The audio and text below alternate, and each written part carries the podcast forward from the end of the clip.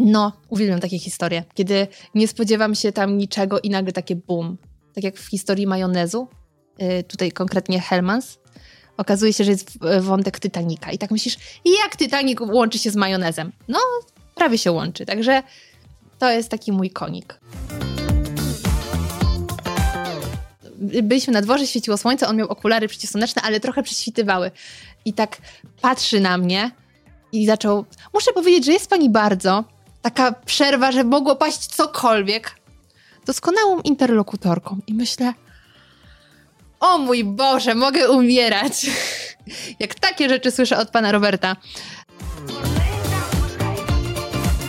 I wtedy w polskim busie pamiętam, wysłałam SMS-a do Magdy, że słuchaj, ja i tak już jestem na miejscu i ja mogę wam parzyć tą kawę. Nie ma to dla mnie znaczenia, co będę robić. Ja po prostu chcę już przy was być i się uczyć. I Magda mówi, dobra, to wpadnij jutro, to znajdziemy ci inne zajęcie. No i następnego dnia wróciłam z powrotem yy, do Warszawy, poszłam na spotkanie i zaczęła się moja przygoda z Polskim Radiem. Dziękuję Ci bardzo, że słuchasz mojego podcastu. Bardzo Cię proszę o drobną przysługę oceń moją audycję. To ma wpływ na pozycjonowanie w rankingach. Twój głos ma dla mnie bardzo duże znaczenie. Zapraszam do wysłuchania kolejnego odcinka. Herra on Air. Wywiad rzeka z tymi, którzy płyną pod prąd.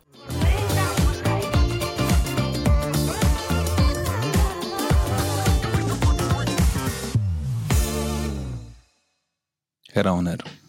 Wywiad rzeka z tymi, którzy płyną pod prąd. A dziś?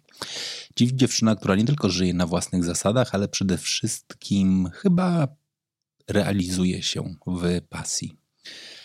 Zdawać by się mogło, że o kulinariach już powiedziano wszystko. Ale gdyby ktoś miał na przykład pomysł na to, żeby być detektywem i odkrył, że można być detektywem w kuchni, to można szukać, no właśnie, dekonspirować przepisy. Czyli jak do tego doszło, że niektóre potrawy są popularne, a inne nie są.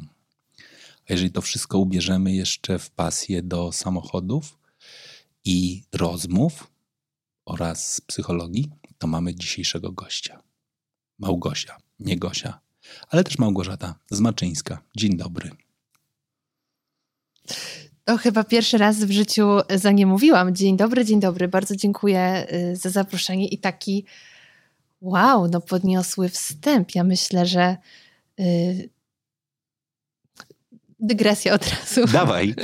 Wczoraj nagrywałam z Matshoty odnośnie trochę do tego, co mówiłeś, do mojego podcastu kulinarnego y, i tam opowiadałam o takiej bardzo, o bardzo nietypowym pogrzebie ponieważ jedna z Amerykanek y, była wielką fanką MMS-ów i zażyczyła sobie, no i jej ostatnie życzenie się spełniło, zostać pochowaną w trumnie w kształcie MMS-ów i cały pogrzeb był w temacie MMS-ów, więc trochę tak wczoraj właśnie nagrywając myślałam o pogrzebie, że w sumie nie wiem, czy Grześki y, mogłyby być sponsorem mojego pogrzebu, bo uwielbiam Grześki.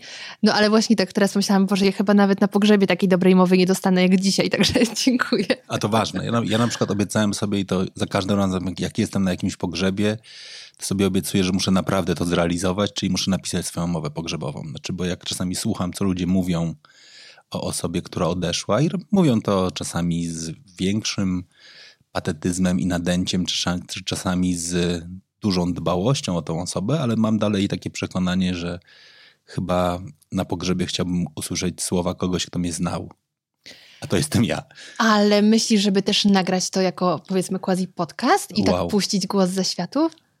Jesus, ale to już jest creepy. To już jest creepy, ale ale, ale, ale, ale Umiera się tylko raz. ale, ale niezłe, naprawdę. To, Żeby zmarnować okazję, no. To, to by było. Tak, nagrać swoją mowę pogrzebową. Hej, jeżeli tu jesteście, to chciałem wam powiedzieć, że no to dobre. To by było, to, to patrz, od razu poszliśmy pod prąd. Zaczynamy podcast i od razu o śmierci. Czyli od tyłu. Kim ty jesteś? O wow. Tak się śmiałam dzisiaj, że yy, jak, zadałeś, jak zadałam ci pytanie, o czym będziemy rozmawiać i powiedziałeś, że o mnie, to pomyślałam, hm, nie jadę do psychologa, a takie rzeczy. A jednak proszę, jednak twój, twój psychologiczny tutaj, yy, twoja smykałka wyszła. Kim jestem? Yy, no tylko człowiekiem. I mówię to tylko dlatego, że chyba jednak jestem większą fanką zwierząt, jeśli chodzi o niektóre zachowania, więc Ym, Jakie zwierzęta? No, nie będę oryginalna mówiąc że, mówiąc, że psy. I to jest w ogóle mój ulubiony gatunek zwierząt, ale mam wielką słabość do pingwinów, o czym wiedzą ludzie, którzy gdzieś tam mnie obserwują.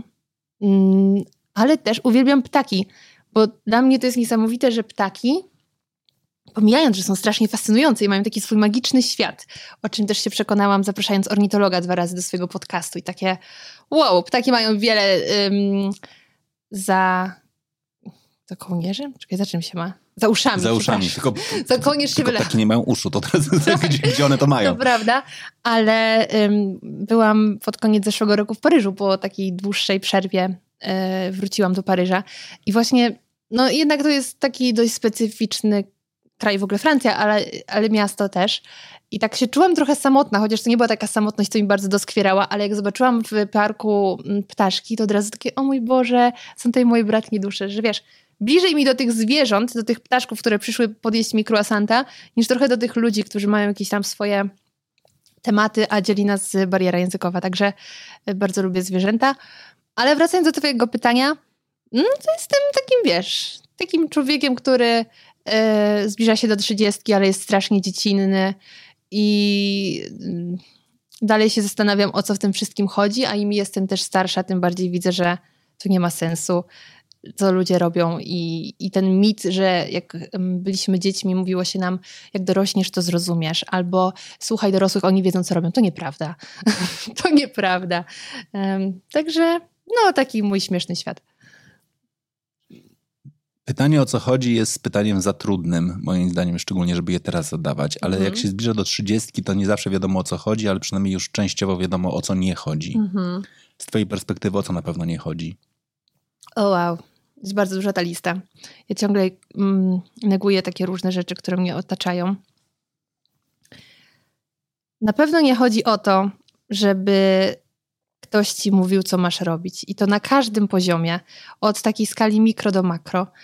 Mm, wkurza mnie, dzisiaj będę taka bardziej kulturalna, mama się ucieszy, chociaż raz nie przeklinam w podcaście, denerwuje mnie, wkurza, że ludzie u góry naprawdę chcą mieć wpływ na nasze życie, kiedy mhm. to, że oni rządzą, i to mówię zarówno w różnych instytucjach w państwie, to jest pewien konstrukt społeczny. My sobie wymyśliliśmy, że ktoś tak będzie robił i oni mają realny wpływ na nasze życia, na takim no każdym poziomie, od płacenia podatków, mhm.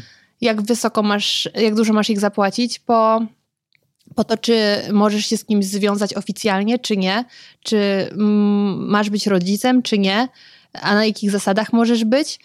Mm, pod takie właśnie w skali bardziej mikro, to ja kiedy wybierałam swoją ścieżkę zawodową, ona się tam zmieniała, te pomysły, to nie wiedziałam, co chcę robić w życiu tak do końca, mhm. ale wiedziałam, że chcę mieć dużą wolność. No i umówmy się, kiedy ja byłam w liceum czy w gimnazjum, to podcasty istniały, ale na pewno nie w Polsce, mhm. takiej świadomości. Więc trochę stworzyłam sobie zawód, co było dziełem przypadku, ale taka potrzeba wolności jest u mnie bardzo duża, więc na żadnym poziomie nie zgadzam się, żeby ktoś mi mówił, co mam robić, jeśli nie zapytam. Bo są takie momenty, kiedy już mi się nie chce decydować i wtedy chętnie posłucham. Relatywnie rzadko, ale jednak. Ym, I tak, i wydaje mi się, że podporządkowanie swojego życia pod kogoś, bo tak, to jest to, o co nie chodzi. Mhm. A cała reszta to już tam, jak sobie ktoś doprawi, tak ma. Bo najważniejsze są te podstawowe składniki, nawiązując do kulinariów. Jesteś zawodową podcasterką? Mm, jeśli przez zawód rozumiemy, co ci daje pieniądze na życie, to nie. E, mhm. Moje podcasty są raczej hobbystyczne. Mm, też już stwierdziłam, żeby dalej to kontynuować i nie martwić się jakimiś statystykami, e, a statystyki, wiadomo, później mają wpływ na ewentualnych reklamodawców, to stwierdziłam, to jest moje hobby.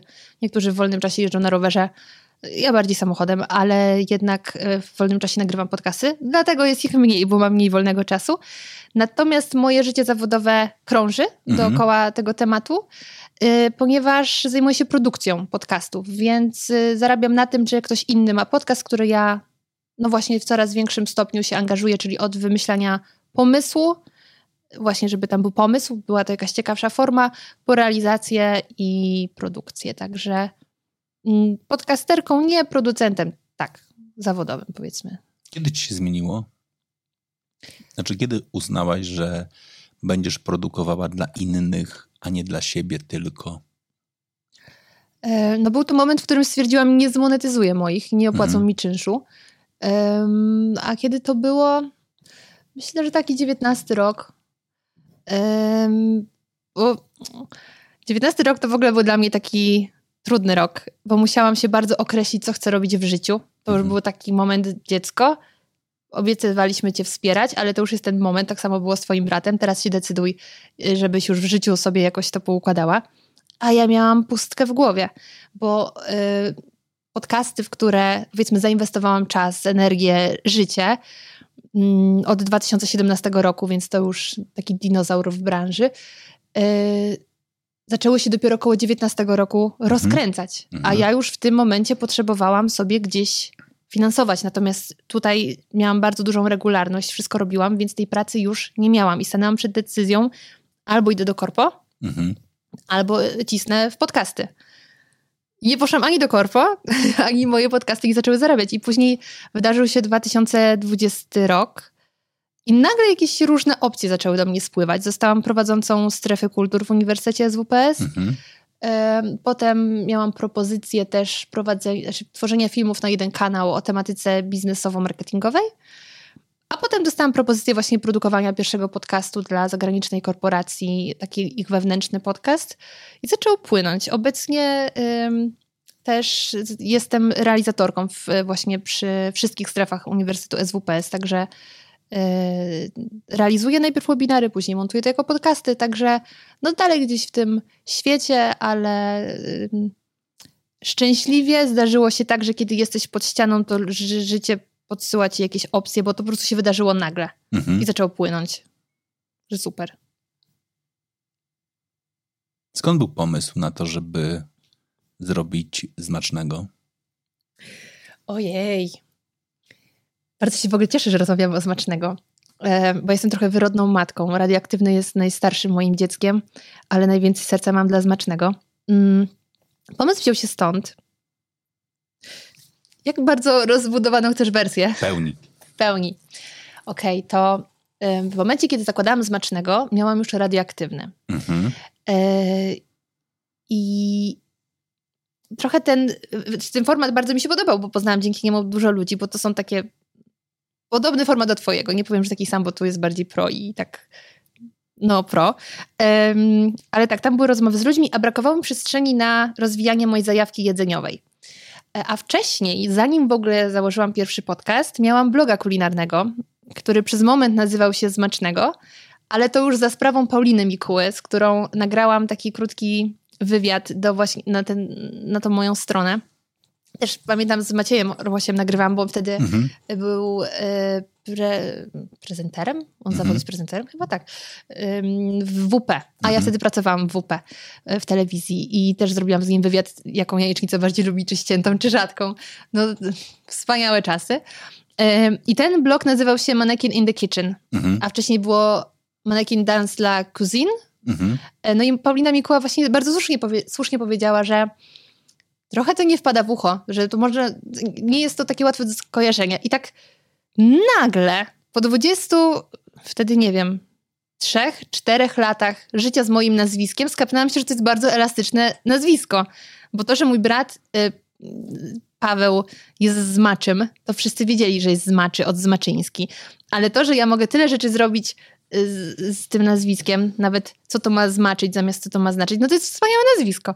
To odkryłam późno. No i tak wzięła się ta nazwa bloga. Natomiast sama zajawka, dlaczego ten blog powstał, to y, ja miałam taki epizod modelingowy. Mhm. I kiedy wyjeżdżałam na kontrakty, to przede wszystkim właśnie w Paryżu, stąd francuska nazwa początkowo tego bloga, to w przeciwieństwie do moich koleżanek ja jadłam różne rzeczy.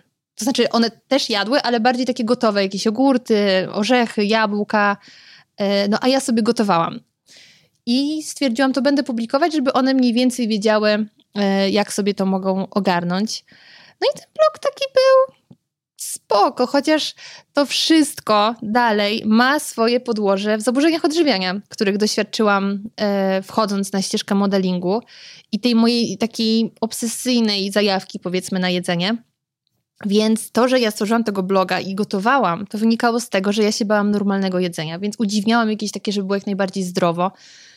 Nie zawsze to było tak super smaczne, ale człowiek jest sobie w stanie wiele wmówić, kiedy, kiedy się tylko postara. Więc yy, no tak się zaczęło moje zainteresowanie jedzeniem, a ono później ewoluowało, że kiedy już trochę zaczęłam wychodzić na prostą w, w tych moich zaburzeniach, co też jest długą historią zresztą, ale nieważne, to y, zauważyłam, że bardziej niż samo gotowanie interesują mnie historie wokół tego jedzenia, bo tutaj y, też wspomniałeś, że interesuje się psychologią. Tak, największą zajawkę złapałam na studiach, ale ja studiowałam psychologię w biznesie. Mhm. W związku z tym marketing i to wszystko dookoła. Ja jestem człowiekiem, który często cytuje reklamy. Boże, mówię już o sobie w trzeciej osobie, to jest bardzo niepokojące. Ale yy, tak, po prostu interesuje mnie marketing i jedzenie. Mhm. I to, jak wiele yy, rzeczy, które jemy, wywodzi się z tego, jak ktoś zrobił dobrą kampanię marketingową. Więc ten mój podcast, wracamy do początku, nie zgubiłam wątku, ten mój podcast yy, nie jest stricte właśnie o tym, jak zrobić dobre krokiety. Nie mam pojęcia. O jeszcze o polskiej kuchni to w ogóle nie mam właściwie pojęcia, jak zrobić.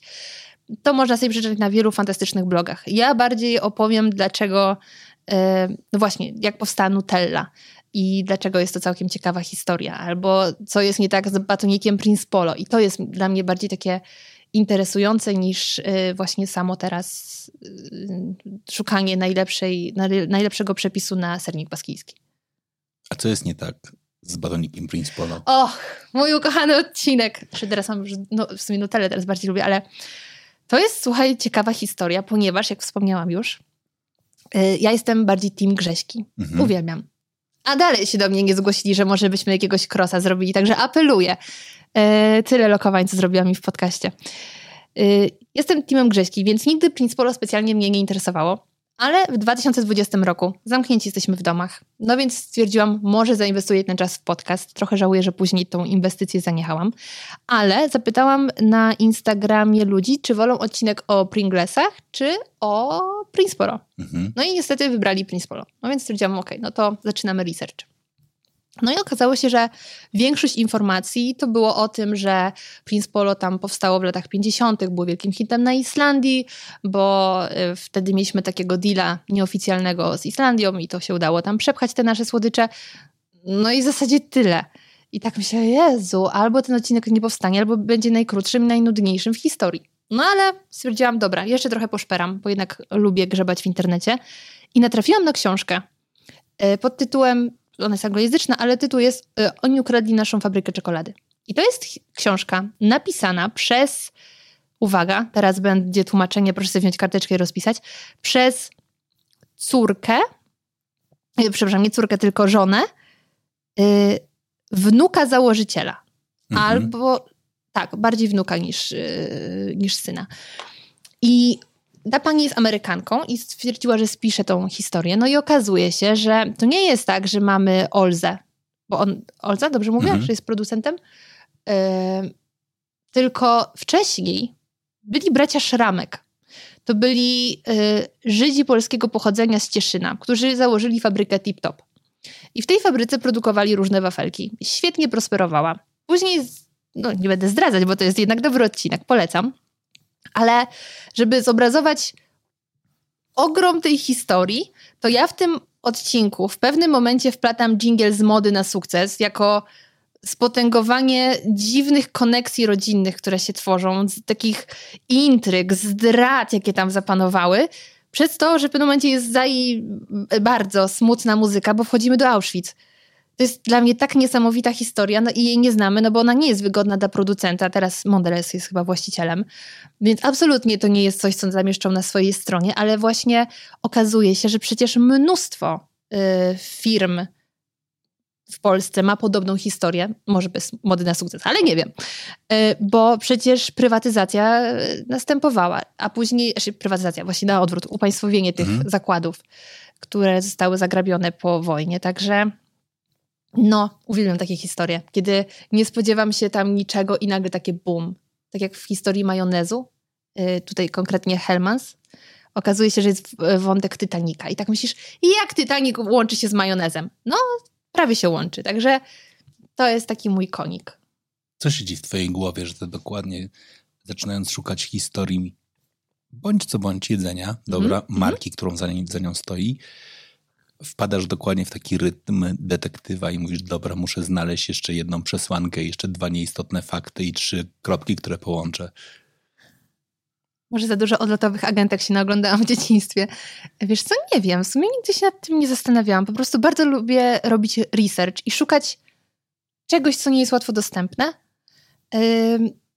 Natomiast moja historia w ogóle z robieniem researchu zaczęła się chyba w trakcie pracy w WP. Mhm. Bo wtedy byłam, znaczy najpierw pracowałam przy programie takim porannym, lifestyle'owym, ale potem, kiedy ten program chyba zszedł z anteny, wydaje mi się, to zostałam przerzucona do programu Pudelek Show.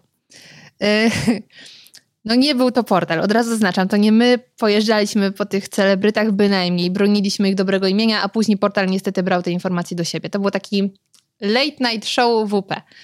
Um, ja wtedy byłam odpowiedzialna za robienie researchu o gościach, mhm. więc też dogrzebywałam się do różnych takich informacji i hmm, nie wiem, tutaj odpowiedzią myślę, że mogłabym podciągnąć, że mnie po prostu interesują ludzie. I też oglądanie dokumentów na Netflixie to jest moja y, ulubiona forma spędzania czasu na Netflixie. Ale jak to przeszło na firmy, to może już jest zajawka na ten marketing, także trudno mhm. mi powiedzieć. Jest mi źle z tym, że tak dużo mówię. Może, może coś, coś byś... Może, może, może ja bym coś powiedział? No wiesz, no to jest dokładnie ten moment, kiedy musisz niestety usiąść w tej drugiej roli, no najbardziej wdzięcznej roli, roli gościa. No to prawda. To bardzo przecież jak jest dobry prowadzący, to jest przyjemna rola, bo tak to myślę, że można też się przejechać. Także nie, ja no, się bawię świetnie. Ale mam być życzliwie. No. To jest absolutnie fundament tego studia. Tutaj, tutaj nie szukamy intrygi, skandalu. Ja jestem mało skandaliczna. Nie. No to oczywiście, że tak. Jestem strasznie mało skandaliczna. Jestem strasznie grzecznym człowiekiem. No dobra, to skąd się wzięło twoje rozpoznawalne dzień dobry, dzień dobry? No to to nie jest skandaliczne. Um, skąd się wzięło? Bo zaczęłam tak witać się z ludźmi na Insta Stories. Um, a ja zaczęłam bardzo szybko nagrywać Insta Stories. Kiedy tylko Instagram wprowadził tę funkcję, to stwierdziłam, no super, wreszcie mogę coś powiedzieć i nie trzeba tego pisać, bo jak widać mówienie dość łatwo mi przychodzi. Nadużywam y, tej funkcji, jaką nam dano.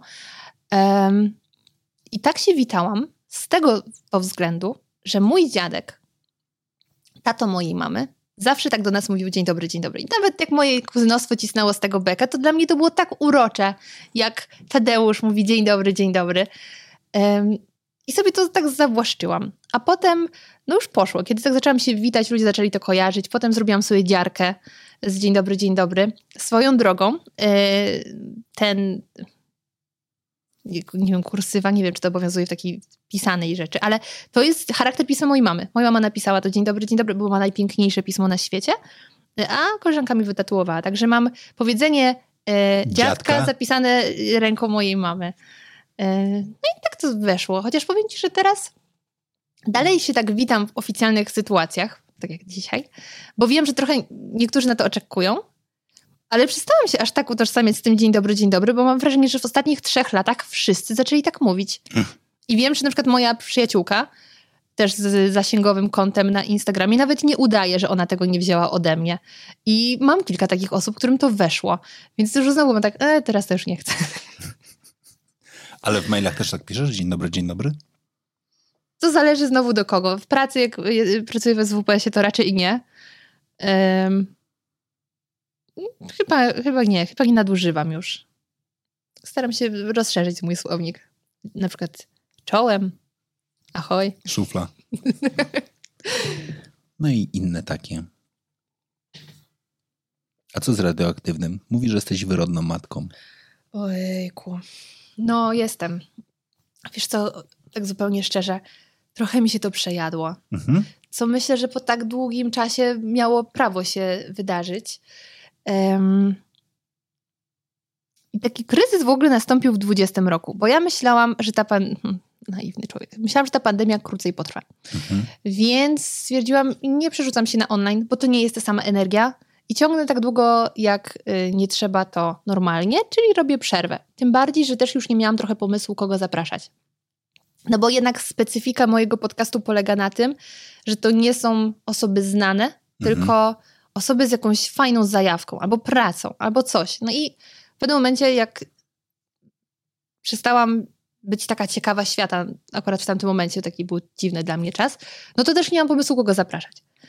Mm, No i w tym 2020 pojawiło się, no na je, palcach jednej ręki można pewnie te odcinki policzyć. W, bardziej się wkręciłam wtedy w Zmacznego. Potem w 21 to był dla mnie taki dość trudny rok, bo zaczęłam go właściwie całkiem szybko od śmierci mojego dziadka, takiej niespodziewanej, co mnie zmiotło z planszy na dobre miesiące. A pod koniec roku pożegnaliśmy naszego pieska też, co, co też całą rodzinę zmiotło z planszy. I tak jakoś nie za bardzo miałam wenę do nagrywania. I w zeszłym roku już miałam się zacząć y, z tym spinać, no ale zaczęłam właśnie taką pracę już powiedzmy na pełen etat w SWPS-ie, co bardzo zmieniło mi um, dyspozycyjność czasową. Więc rzeczą naturalną musiałam z tego zrezygnować. No jednak to, co daje ci pieniądze, wygrywa. Um, no a jednocześnie dalej mam swoje dwa pozostałe podcasty, bo jeszcze w zeszłym roku wystartowałam z zaburzonymi historiami. I tak wiesz, no żongluję. Y, Staram się publikować co jakiś czas tu i tu, ale prawdą jest, że zastanawiam się, co zrobić z radioaktywnym, bo wiem, że to jest też format i, i rozmowy, na które wiele osób czeka. I ja jestem trochę takim człowiekiem, który lubi sprawiać innym y, radość i, i nie zawodzić ich za bardzo. W granicach normy. Ym, ale się zastanawiam i myślę, że zostanie to tak, że jak już nagram, to jest, ale nie będę się już, nie będę już nikogo udawała, że będzie systematycznie, bo nie będzie. W tym roku miałam super plan, nagram sobie y, naprzód i okazało się, że się na miesiąc rozchorowałam i wszystkie moje umówione rozmowy spadły, a teraz już jest taki czas w pracy, że tego nie nadrobię. A do Zmacznego mam więcej serca, bo się bawię formatem. Radioaktywny ma dla mnie zbyt prosty format, a też nie za bardzo widzę opcji wprowadzania zmian, bo ludzie się przyzwyczaili. I wolę te moje mm, potrzeby spełnienia artystycznego, tak bardzo górnolotnie, bardziej no, kreatywnego, przerzucić na Zmacznego, bo sam temat też mnie jara. Więc tak to wygląda. Jaka jest przyszłość tego podcastu? Nie wiem. Okej. Ale boisz się go zaorać? W takim sensie powiedzieć, dobra, nagrać ostatni odcinek Jezu, i nie zostawić? mogłabym mamie w oczy spojrzeć. nie, tak zupełnie poważnie, bo moja mama faktycznie słucha wszystkich y, moich podcastów. Chyba nie lubię robić rzeczy ostatecznych. Mhm. Chyba. Oj, nie. Wiem, że ostatnio Greg Albrecht, tak on się nazywa, zamknął Mhm. swój, a Mhm. przynajmniej się do tego przymierzał. Mhm. Posłuchałam nawet tego odcinka, bo stwierdziłam, ciekawe jak to jest. No i pomyślałam, nie zamykam tej furtki, bo może coś się odmieni. Może będę miała właśnie znowu jakąś większą frajdę, albo więcej czasu. Trochę w to nie wierzę akurat, że będę miała więcej czasu. I może wtedy nagram. Ale no, chyba nie chciałabym tak zaorać po prostu. Ostateczne rzeczy mnie trochę przerażają takie. Dlaczego? Mm.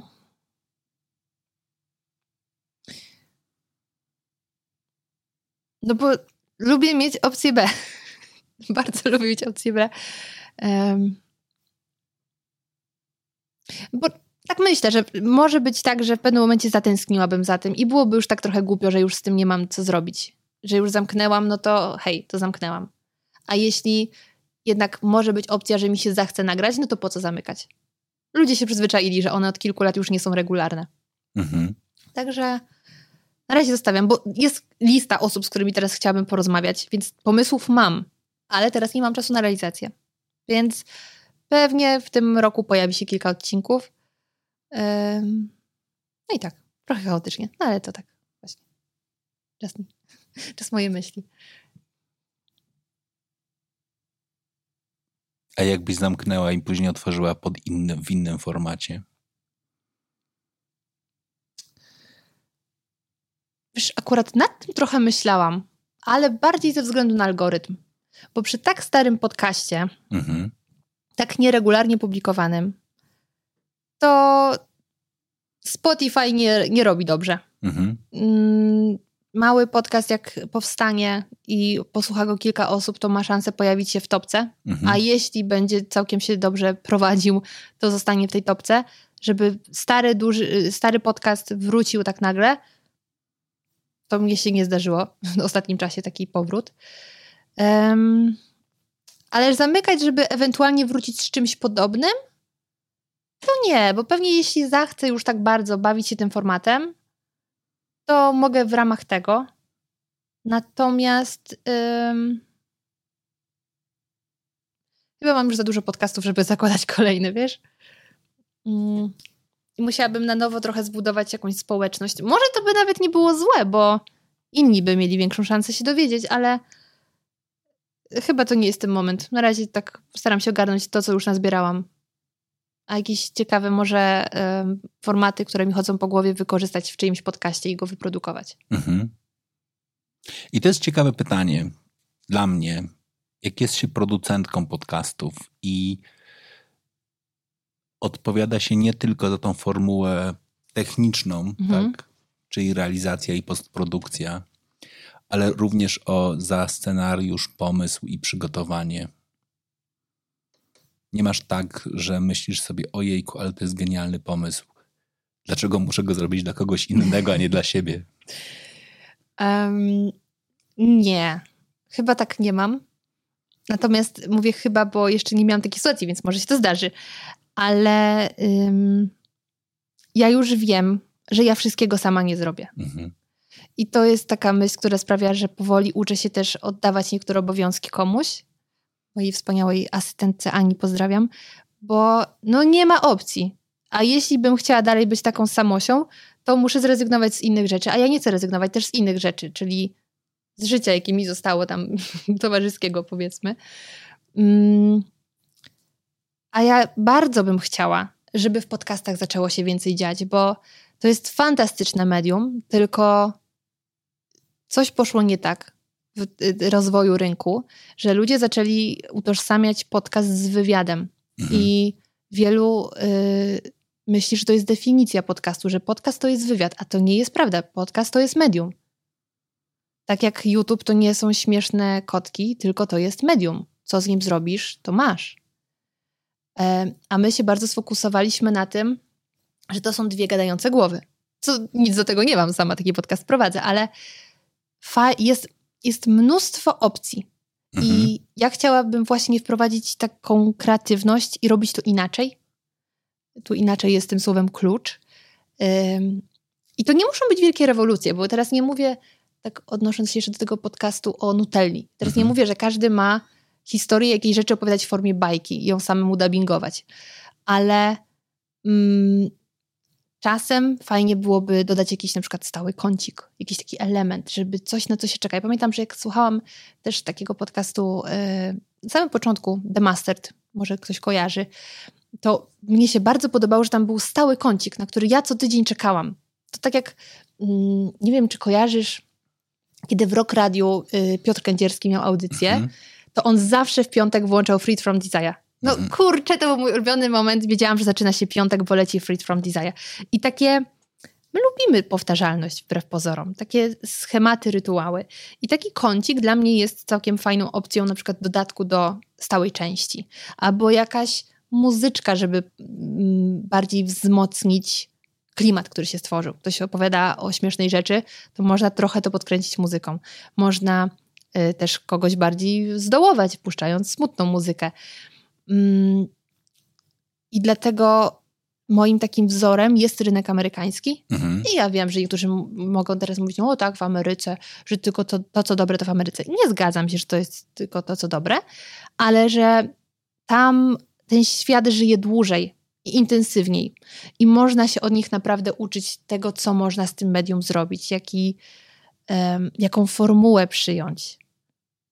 Także dalej niech to będą dwie gadające głowy, ale może o zaskakującej tematyce, albo y, odbijanie piłeczki, nie Mhm. taki stricte wywiad. Także właśnie to jest taka droga, którą podążam i której chcę się bardziej realizować. Ale bardziej Cię interesuje to, żeby to było inspirujące na poziomie treści czy formy? Mm, mnie zależy na formie, Mhm. bo są podcasty też o niczym. Mhm. Nawet jeden taki dość popularny jest o niczym. Yy, Ale to jest znowu pełni funkcję rozrywki. Tak jak niektóre filmy na YouTube odpalasz dla rozrywki, a inne dla treści. Także co będzie tą ostateczną treścią, to już jest inny temat. Oczywiście super będzie takie realizować, jeśli też ktoś będzie chciał, bo na przykład tworzy markę własną i chciałby ją wzmocnić podcastem i jednocześnie przekazywać wiedzę ekstra, ale jeśli ktoś chce zrobić format rozrywkowy, to też super. Także yy, nie chcę, żeby powiedzieć teraz przerost formy nad treścią, Mhm. ale yy, niezależnie. Tylko żeby to było trochę inaczej niż teraz.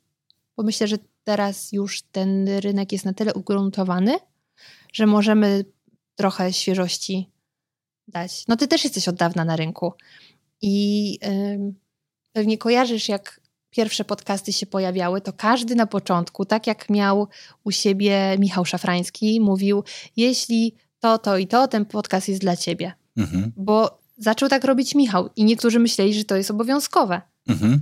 I zaczęli robić to ka- tak samo. To prawda. Kiedyś wszystkie podcasty były dokładnie, zaczynały się od tego hej, jeżeli To dokładnie ten tak. podcast jest dla ciebie. I, I właśnie to jest chyba czas, żeby trochę świeżości puścić. Na przykład do tych starszych formatów. Plus myślę, że to też, jest potrzebne prowadzącym po jakimś czasie coś zmienić, żeby dalej ich to jarało. Mhm. No, także zapraszam. Wtedy ja coś wymyślę i można działać. Lokowanie produktu. Bardzo fajnie. Wiesz co, ale dobra, bo mówisz o ważnej rzeczy, a mianowicie o tym, że ta formuła dwie gadające głowy, czy też formuła wywiadu, Mhm. e, ona obiektywnie jest najprostsza. Mhm. Znaczy Tak. realizacyjnie nie ma prostszej formuły niż Tak, usiąść nawet nagrywanie solo jest trudniejsze. No, nagrywanie solo, żeby utrzymać częstotliwość i regularność, jest gigantycznym wysiłkiem. Och, a! Tutaj jeśli chodzi o tą regularność i częstotliwość, to akurat wydaje mi się, że solo jest łatwiejsze, ale trudniej jest po prostu mówić z sensem samemu no. do mikrofonu. To mam na myśli, znaczy znaleźć A tematykę, którą można ciągle tematykę i sensowność, Mhm, która tak, pozwoli ci długoterminowo mówić, tak. nie powtarzając się.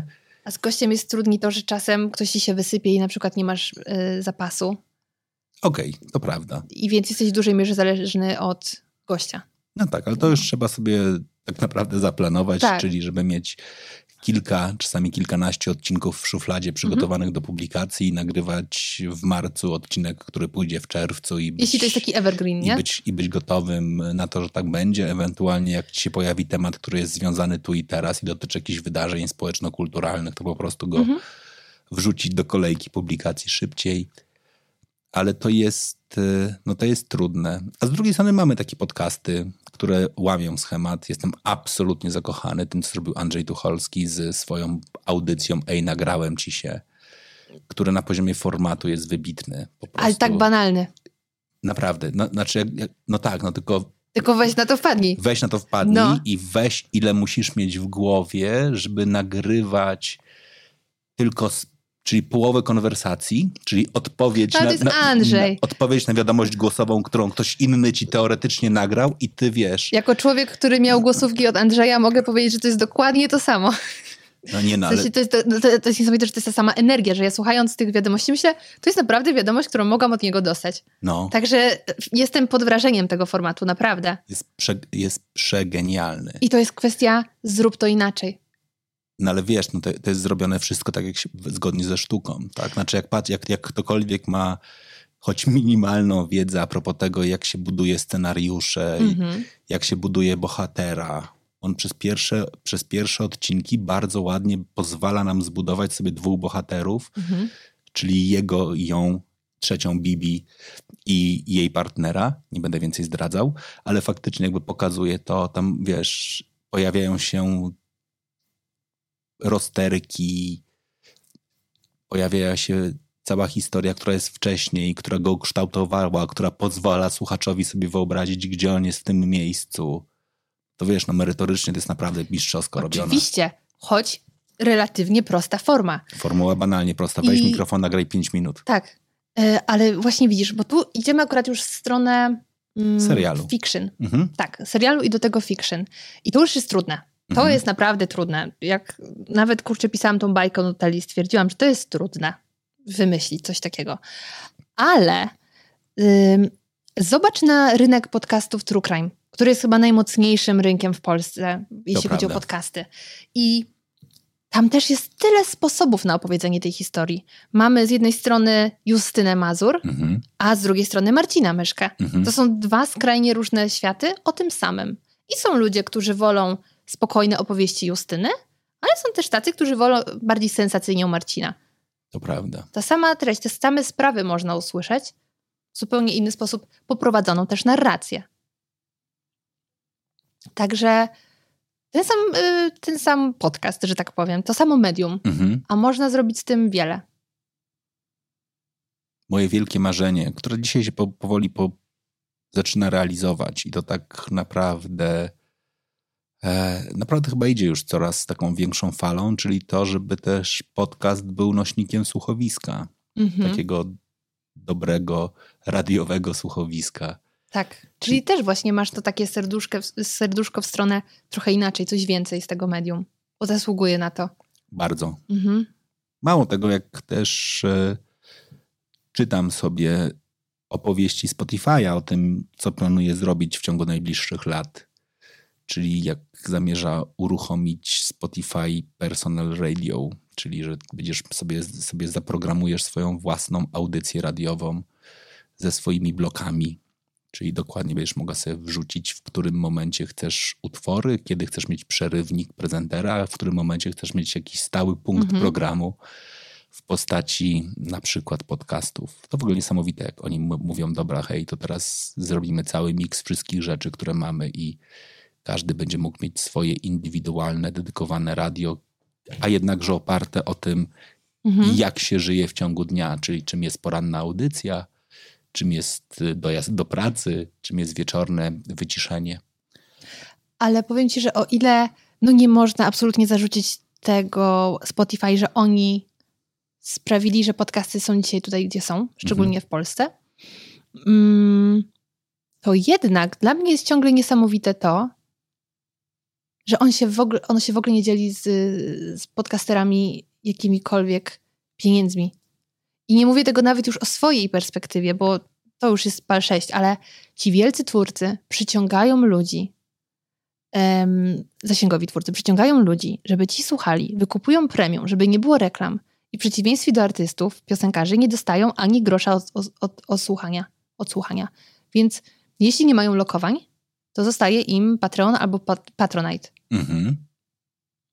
A to nie jest tak, że się nie dzielą, nie dzielą pieniędzmi? No, bo ja nie wiem, bo, skąd? bo, bo ja powo- A dostałeś chociaż grosza od Spotify? kiedyś dostawałem, ale to, ponieważ to były grosze, to wyłączyłem, bo mnie to wkurzało. Gdzie to wyłączyłeś? No, na programie do zarządzania promocją. Ale to miałeś promocję, tak? Nie, no, Jakąś spaloną. no tak, znaczy, że generalnie przy moich podcastach szła, szła funkcja commercial i oni mi mówili, ile mogę dostać pieniędzy i nawet czasami mi wypłacali. Ale to szła opcja commercial na zasadzie dodatkowo jakieś reklamy odpalałeś? Nie, normalnie jakby to, to tak samo jak na tym, na YouTubie. Normalnie dostawałem za wyświetlenia, znaczy za odsłuchania. Jesteś pierwszą osobą, od której to słyszę. Ja nigdy nie miałam takiej opcji i z kim nie rozmawiałam z, ym, z polskiego rynku z podcasterów, to nikt nie dostał grosza od Spotify. To ja dostałem. Ale ponieważ to, był, rynek. ponieważ to były naprawdę grosze, to jakby jak tylko się zorientowaliśmy, że tego nie wyłączyliśmy, to to wyłączyliśmy. A gdzie hostowałeś? Na Spreakerze. To jeszcze dziwniejsza historia. Być może to nie jest ze Spotify'a, tylko na przykład z Apple Podcast, ale jakby Aha, dalej widzisz. jakby... To nie wiem, ja dalej znikąd nie dostałam żadnych pieniędzy. I o ile wiem, to, to nikt nie dostał, bo nawet o tym kiedyś rozmawiałam z Justyną Mazur, z, z Marcinem. Więc tu jest bardziej kwestia, jak nie masz e, lokowań albo właśnie patronów, no to, to nie zarabiasz na tym. Mhm. Bo na YouTubie to można trochę tysięcy wycisnąć, jak niektórzy mają fajne odsłuchania faktycznie. Ale Spotify, no to, to pierwsze słyszę, że w ogóle cokolwiek takiego mieli. Ciekawe. To mieliśmy. A Który to był rok? No nawet w tym roku. Znaczy w poprzednim. Co ty gadasz w ogóle? Nawet mogę ci pokazać statystyki z pikami, kiedy tam się prze, przekła- przek- ten, przekładają te Aha. dwie magiczne, dwa, dwa magiczne wykresy, czyli ile jest monetization i ile jest e, audience. I wtedy monetization musieliśmy wyłączyć, bo to, bo to moim zdaniem nie o to chodzi. Wiesz, co jeszcze myślę? Że może jakoś twój podcast jest zaszufladkowany jako rynek niepolski. Ja mam dużo, ja mam dużo słuchaczy w Stanach. A widzisz, no to Pa- mamy odpowiedź. Paradoksalnie, że to mnie zawsze zastanawia, jak to jest możliwe, że tak jest, ale faktycznie jak sobie patrzę na geolokalizację, gdzie mnie osoby słuchają, Mhm. to oczywiście cały czas dominująca część jest w Polsce, ale Okej. również słuchają mnie te lokalizacje, które mają mocno rozwiniętą Polonię. Mhm, no tak, Po to, to ma sens. Znaczy, jakby, Okej. ponieważ i tak nagrywam po polsku, to tam, gdzie jest Polonia, to, to jest. To zaczyna mi to się składać w jakiś spójny obraz, bo ta opcja miała być wprowadzona monetyzacji, właśnie chyba jakoś w okolicach zeszłego roku, może półtora, ale nie ma jej w Polsce. Wciąż. No widzisz. Czyli z zagranicy. Okej. No to ciekawe. Czyli trzeba teraz albo nagrywać po angielsku, albo dbać o Polonię. Czyli jakbyś w, Albo śledzić, jakbyś w y, końcu, co zrobią. jakbyś w końcu nagrała ten, ten odcinek o krokiecie, to, to, może, to może wtedy dokładnie Polonia by cię w końcu wysłuchała. Ty ciągle jakby No o widzisz, e- no przepaliłam potencjał. e- M&M'sach i o wszystkim pozostałych. No, krokiet, pierogi. To jest, to jest przyszłość. Pierogis po, po amerykańsku, nie? Pierogis byłyby absolutnie fantastyczne. Kto do ciebie przychodzi, żebyś mu robiła podcasty? I nie pytam na razie o nazwy, tylko o charakterystykę klienta. Mm. Co trzeba mieć w głowie, żeby sobie pomyśleć, hej, zaufam profesjonalistce. No właśnie, po pierwsze trzeba mieć y, w sobie taką chęć Mhm. otworzenia się na to, y, ale też mm, po pierwsze chcieć zrobić coś inaczej, Mhm. czyli właśnie taką kreatywność i otwartość na coś innego, na zabawę formą. Em, ale też myślę, że mm, dojść do wniosku, że znowu wszystko mogę zrobić samemu Mhm. do jakiegoś stopnia, ale czy mam na to czas? Mhm.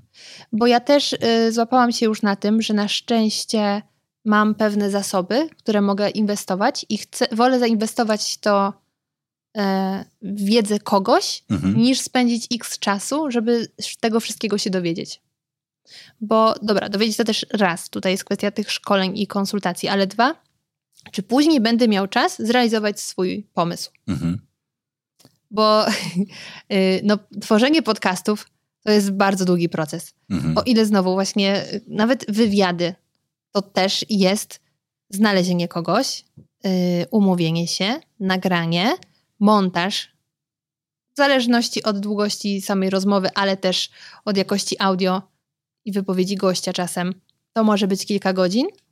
No a potem jeszcze miniaturka, publikacja, hasztagi, to jest kilka godzin. Jeśli y, mówimy o takim podcaście właśnie, jak ja robię czasem z Macznego, że opowiadam jakąś historię, to najpierw tą historię muszę poznać i w przypadku Nutelli robiłam tydzień research. Tydzień, myślę, można to podsumować. Potem na podstawie tego piszę scenariusz, ponieważ to już jest tak... Niektóre żarty by mi nie, y, nie wpadły do głowy tak na bieżąco, więc wolę je spisać. Także ja sobie do takich odcinków piszę cały scenariusz, około siedmiu stron. Mhm. No to też, żeby napisać scenariusz, trochę trzeba mieć weny. Mhm. E, później nagranie takiego odcinka, czyli naczytanie tego wszystkiego, to w zależności jak bardzo ci się plącze język, e, to jest kilka godzin. Montaż tego, gdzie właśnie dodaję jakieś efekty, muzykę, to są kolejne godziny. No, robienie miniaturki też trwa, e, ale akurat uwielbiam robić miniaturki do zmacznego. Chociaż mało kto je widzi, ale ja robię to dla siebie głównie. Więc to jest bardzo długi proces. Mm, No i pytanie, czy masz ten czas, żeby zainwestować samemu? Czy Mhm. Oczywiście, no i tak nie zrobię tego w ten sposób, że to ja ci zrobię podcast, wszystko zrobię, w tym przeprowadzę rozmowę. E, Też trzeba swój czas poświęcić, ale można to po pierwsze skrócić, po Mhm. drugie, no właśnie zrobić coś inaczej. A dlaczego nie poprowadzisz rozmowy? Znaczy, mogę, no jak już takie sytuacje były, że prowadziłam jakiś podcast na przykład w drodze Mhm. mhm. Rabena z wielką przyjemnością, no ale pytanie wtedy, czy to jest, czy chcesz mieć podcast firmowy, Mhm. który absolutnie, czy bardziej personalny. Więc Mhm. wtedy fajnie, jakby to był twój głos, nie? E, Ale tak, jakoś nie boję się prowadzenia rozmów nawet na tematy, w których muszę się najpierw doedukować, Mhm. tak jak to było w Rabenie. A jaki był koncept tego projektu? Rabena. Mhm. Mm. Tutaj odpowiedzialny za to był Wojtek Kardyś. Mhm. E, I on y, właśnie stwierdził, że fajnie będzie zrobić podcast, który trochę mm, przybliży niektóre tajniki związane z firmą Raben, ale bardziej, i to też bardzo doceniam, nie od strony y, praskaczem autoreklama, Mhm. autopromocja, tylko damy ci wiedzę i może zapamiętasz, że to jest wiedza od nas. Mhm. Y, I muszę powiedzieć, że faktycznie y, moi słuchacze i odbiorcy na Instagramie później mówili, że nagle wszędzie widzą ciężarówki Rabena. Amazing. Psychologia. Ale tak, i tutaj rozmawialiśmy o tym, że to akurat jest hasło, które ja wymyśliłam, że droga jest równie ważna jak cel. Mhm. Mm, co też myślę całkiem fajnie pasuje do firmy logistycznej. I były to różne mm, tematy związane z podróżą, Mhm. co się może przyda- przydać wiedza zarówno kierowcy, jak i pasażerowi, czyli od przekąsek fajnych na drogę, od e, tutaj profesjonalnego kucharza, od konsultacji z dietetykiem, co też może fajnie sobie zapakować do jedzenia, przez podróż z psiakiem, co Mhm. zrobić, żeby on był bezpieczny i szczęśliwy z tej podróży, po rozmowę z mechanikiem, który podpowiada, co możemy zrobić we własnym zakresie, a kiedy na pewno y, warto wezwać holowanie. Y, O martwym polu też porozmawialiśmy, czyli jak dobrze ustawić lusterka, co jest kluczowe, szanowni państwo, i proszę tego nie lekceważyć. Ja kiedyś miałam źle ustawione i miałam lekką stłuczkę. Mm, I też warto, żeby szyby były czyste. Także wiele takich tematów dookoła. Y, Ale też na przykład dla mnie ciekawe było, jak y, działa logistyka paczek, czyli ile trwa wysłanie paczki, ile osób mają w rękach, jak to wszystko przechodzi, ile paczek jest wysyłanych w ciągu dnia. Także no takie ciekawostki, ale też dużo wiedzy praktycznej. A ja jako naczelna blachara e, miałam wielką frajdę z tego, że mogę właśnie porozmawiać o takiej branży, no innej niż na co dzień. E, także bardzo fajnie to wspominam.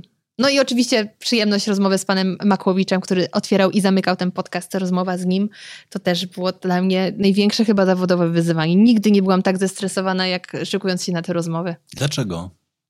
No to jest legenda i to jest człowiek tak oczytany, tak wyspecjalizowany w swojej, e, w swojej działce. No do tego przyznałam się do tego panu Robertowi, że my się już kiedyś poznaliśmy. Kiedy pracowałam przy projekcie Onetu, e, to wtedy był taki program. Nie pamiętam y, do końca, ale pamiętam, że Filip Heiser go prowadził i tam były też właśnie rozmowy z gośćmi. To dość dawne czasy, 2016 rok. Ja tam byłam też od researchu. E, No i jednym z gości był pan Robert. I była taka sytuacja, że tam oczywiście y, każdy do niego podchodził, zagadywał, chociaż to też jeszcze nie był pan Robert z memów i z Make Life Harder, który go wrzuca zamiast zdjęcia słońca. Tylko to były czasy, kiedy jeszcze pracował w TVP, miał program i to był bardziej pan z telewizji niż pan z internetu. Więc ten dystans też był większy. No i tam był też tak temat typowy plan zdjęciowy. Jest obsuwa w czasie, a pan Robert wraca pociągiem do domu i taka informacja, mamy opóźnienie, no też nie była najfajniejsza dla niego. No i w pewnym momencie tam staliśmy na dworze i każdy go zagadywał tam, no panie Robercie, co ostatnio pan dobrego jadł? I sobie myślę, Jezu, no takie trochę banalne pytanie, pewnie codziennie słyszę. O co go zapytać? I ja już nie pamiętam, jak do tego doszło, ale zbiłam się na wyżyny jakiejś takiej swojej kulinarnej quasi wiedzy i zaczęłam z nim rozmawiać o, yy, teraz już nawet nie powiem, kataplanie. O takim portugalskim naczyniu, w którym robi się tradycyjną potrawę kataplanę. Ja nie wiem, skąd mi się to wzięło, ale zaczęłam o tym z nim y, rozmawiać i w miarę chyba wybrnęłam. No i właśnie jak się teraz spotkaliśmy, to już było w sumie prawie dwa lata temu, to mu wspomniałam tą historię, że tak właśnie byłam wtedy strasznie zestresowana. On oczywiście tego nie pamiętał, no bo dziwne, żeby pamiętał, ale ym, ale też usłyszałam od niego tak niesamowitą rzecz, bo pierwsze nagranie realizowaliśmy przez internet. On był Mhm. wtedy jeszcze w Chorwacji i to była rozmowa o jedzeniu w podróży mm, na zasadzie, na ile na przykład gastrotripy są Mhm. nowym wymysłem, że jedziesz gdzieś specjalnie po to, żeby coś zjeść, a na ile to się robiło kiedyś, jakie znaczenie tutaj miały dworce, tak jak dzisiaj dworce raczej nie kojarzą się nam najlepiej. Może jakiś kebab, zapiekanka, tak kiedyś dworce były pełne genialnych restauracji, bo tam właśnie było y, miejsce przesiadkowe. No i ta pierwsza rozmowa była online, a druga już na żywo, ale po jakimś miesiącu czy dwóch. No i spotkaliśmy się właśnie na tej rozmowie, już nagraliśmy, już tak trochę stres opadł i tak stoimy sobie na zewnątrz i rozmawiamy. I pan właśnie Robert mówi, że pamięta naszą pierwszą rozmowę, co sobie myślę, byłabym w sumie zaskoczona, gdyby nie pamiętał. To było relatywnie niedawno i ten sam projekt, ale mówi, że on tyle tego marzy, w sumie zapomina, ale pamięta, że dobrze mu się rozmawiało. I na koniec właśnie powiedział, tak najpierw byliśmy na dworze, świeciło słońce, on miał okulary przeciwsłoneczne, ale trochę prześwitywały. I tak patrzy na mnie i zaczął, muszę powiedzieć, że jest pani bardzo taka przerwa, że mogło paść cokolwiek.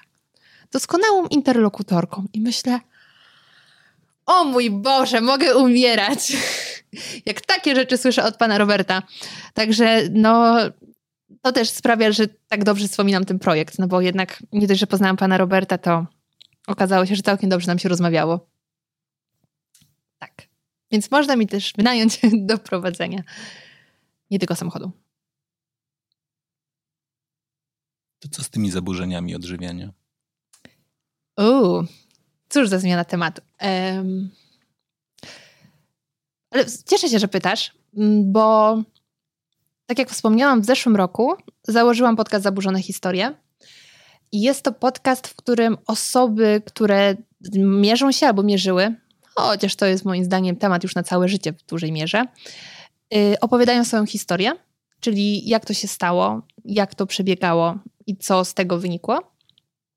Yy, czyli tutaj mam na myśli anoreksję, bulimię sportową, bulimię taką, nie wiem, czy może powiedzieć zwykłą, yy, ale też obiadanie, mm, ortoreksję, bo Y, no, temat tych zaburzeń odżywiania mi jest bliski od 10 lat. W sensie, ja, jak zaczęłam z modelingiem, no to miałam około 16-17 lat. Ja się z tego wygrzebałam, mm, ale wiem, jak cholerna jest to choroba i że jesteś z tym sam.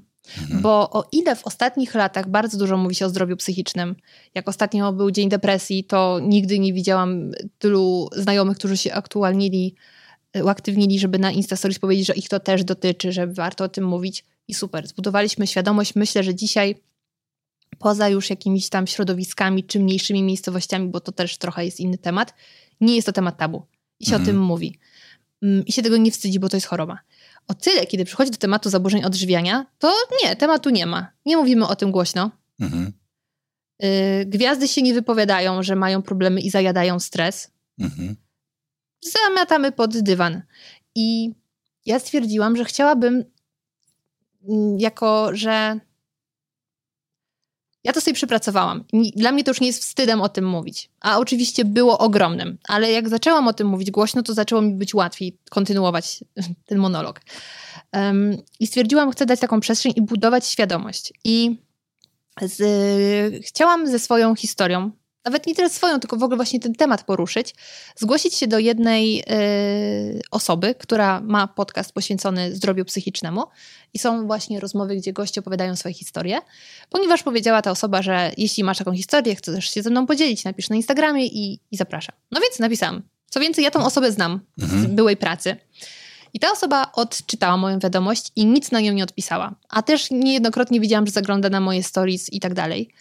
I wtedy jeszcze bardziej poczułam, jakbym dostała takiego liścia na zasadzie moje zaburzenia są lepsze niż twoje, cytując taką piosenkę, która, yy, parafrazując piosenkę, mhm. która trendowała.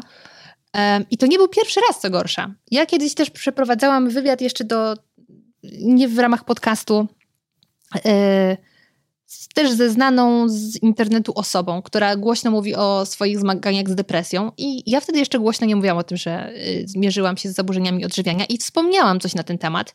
I po tym, jak ona właśnie powiedziała, że budowanie świadomości depresji jest ważne, ważne, ważne, coś tam, ja mówię, że no tak, ale są jeszcze zaburzenia odżywiania. On mówi, no a to dziewczyny po prostu przestają jeść. No i co, i to zabrzmiało tak, jakby to, że nie jesz jest fanaberią.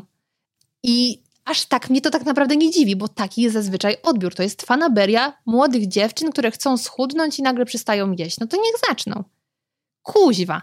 To jest diabelnie trudna choroba, która, jak rozmawiałam z psychiatrą, jest trudniejsza do wyleczenia niż depresja mhm. i nawet alkoholizm, bo alkoholu możesz po prostu nie pić. I to jest strasznie trudne go nie pić, ale to nie jest coś potrzebnego ci do życia. Jedzenie musisz jeść. Mhm. I ogarnięcie tego tematu jest niezwykle trudne, ale się o tym nie mówi. I moim zdaniem nie mówi się o tym z kilku powodów, bo po pierwsze, kiedy mamy do czynienia właśnie z anoreksją czy z ortoreksją, no to yy, po pierwsze odpowiedź jest, to zacznij jeść, albo zacznij jeść niezdrowo, jeśli tylko jesz zdrowo, żeby to wyrównać, więc problemu nie ma. Po drugie, osoby, które się z tym mierzą, one czują trochę satysfakcję przez pewien czas, aż to się robi poważny problem, ale masz jakąś taką satysfakcję, że jesteś taki super, że masz tak silną wolę, że jesteś w stanie sobie odmawiać. A co więcej, z zewnątrz słyszysz, ja to cię podziwiam, że ty potrafisz tak sobie odmówić tego ciasta. Więc też sobie myślisz, nie no, jestem zajebisty. Ale kiedy dochodzi już do odwrócenia sytuacji, bo moim zdaniem prędzej czy później ta silna wola po prostu się skończy. To jest wyczerpalna rzecz. I zacznie ci się to odwracać przeciwko tobie i idzie w stronę objadania się, to jest to tak wstydliwe, że się o tym nie mówi. I zobacz, no właśnie, pokaż mi, ile gwiazd mówi o tym, że ma problemy z jedzeniem. Tak na szybko, to niewiele osób mi się kojarzy. Mhm. A jest to bardziej powszechne niż nam się wydaje. Co więcej, to może przybierać różne formy, że nawet e, kiedy nie, traktu- nie postrzegasz siebie w kategoriach zaburzeń odżywiania, bo nie masz anoreksji, ogólnie jesz i tak dalej, ale zjesz coś i myślisz sobie, a może powinienem już przestać, może jestem za gruby, bo kiedyś mama powiedziała coś tam, a kiedyś usłyszałem to i to. I mamy takie zakorzenione rzeczy. I tak ostatnio rozmawiałam ze znajomym, bo znowu, wydaje nam się, że to jest temat tylko dziewczyn młodych. Ani to nie jest temat tylko młodych dziewczyn, ani tylko y, kobiet w ogóle. I właśnie mój znajomy powiedział, że no on do podcastu nie przyjdzie, bo, bo nie jest y, na to gotowy, ale on sam właśnie mówi, że jego żona przez długi czas y, nie rozumiała, dlaczego on nie chce iść sam do restauracji. Mhm. No, było, słuchaj, nie jestem, nawet nie sam, tylko żeby sam jadł też w tej restauracji. Na zasadzie, co ja jestem, nie jestem głodna, zamówię sobie herbatę, a ty sobie jedz. I on mówi, że nie ma takiej opcji. Bo on ym, miał trochę dodatkowych kilogramów, które chciał zrzucić i powiedział, że dla niego było przerażająca ta myśl, że ktoś zacznie myśleć gruby, a je. Mhm. I to nie jest aż takie odrealnione myślenie, bo nie, ludzie naprawdę się czasem tak zachowują, że wytykają. E, ile moich bohaterek też opowiedziało mi o różnych komentarzach, że serdelka i tak dalej, i to od bliskich nawet, że twoje siostry to jadły jak i były takimi przycineczkami, a ty to co? No ale wracając do tego kumpla. I on właśnie mówi, że jego zdaniem o zaburzeniach odżywiania też zaczniemy mówić, ale za kilka lat. Mhm. Więc no mam nadzieję, że trochę tym, co robię, dokładam swoją cegiełkę, bo tak jak mówię, ani to nie jest tylko fanaberia, to w ogóle nie jest fanaberia, ale że kobiet, bo temat też dotyczy mężczyzn. I na przykład w jednym z ostatnich odcinków gościłam Marcina, który właśnie opowiedział, jak te zaburzenia, w jego przypadku była to kwestia zajadania stresu, wzięła się z samotności. I to wcale nie jest tak odrealniony temat, bo żyjemy w czasach trudnych, gdzie trudno sobie znaleźć kogoś bliskiego, albo nawet znajomych, bo też nie każdy ma łatwość nawiązywania relacji. I to jedzenie, które od dziecka jest. Yy, ma duże takie podłoże emocjonalne i to jest forma nagrody, jak zrobisz to, to dostaniesz słodycze, e, albo babcia, która mówi, no zjedz jeszcze serniczka, bo tak okazuje miłość, więc tam jest bardzo to nacechowane emocjonalnie. Więc kiedy jest nam źle i znamy to, kojarzymy to z przyjemnymi rzeczami, no to naturalne, że sięgamy. Tylko w pewnym momencie to jest jedyna nasza radość w życiu i zaczyna się problem.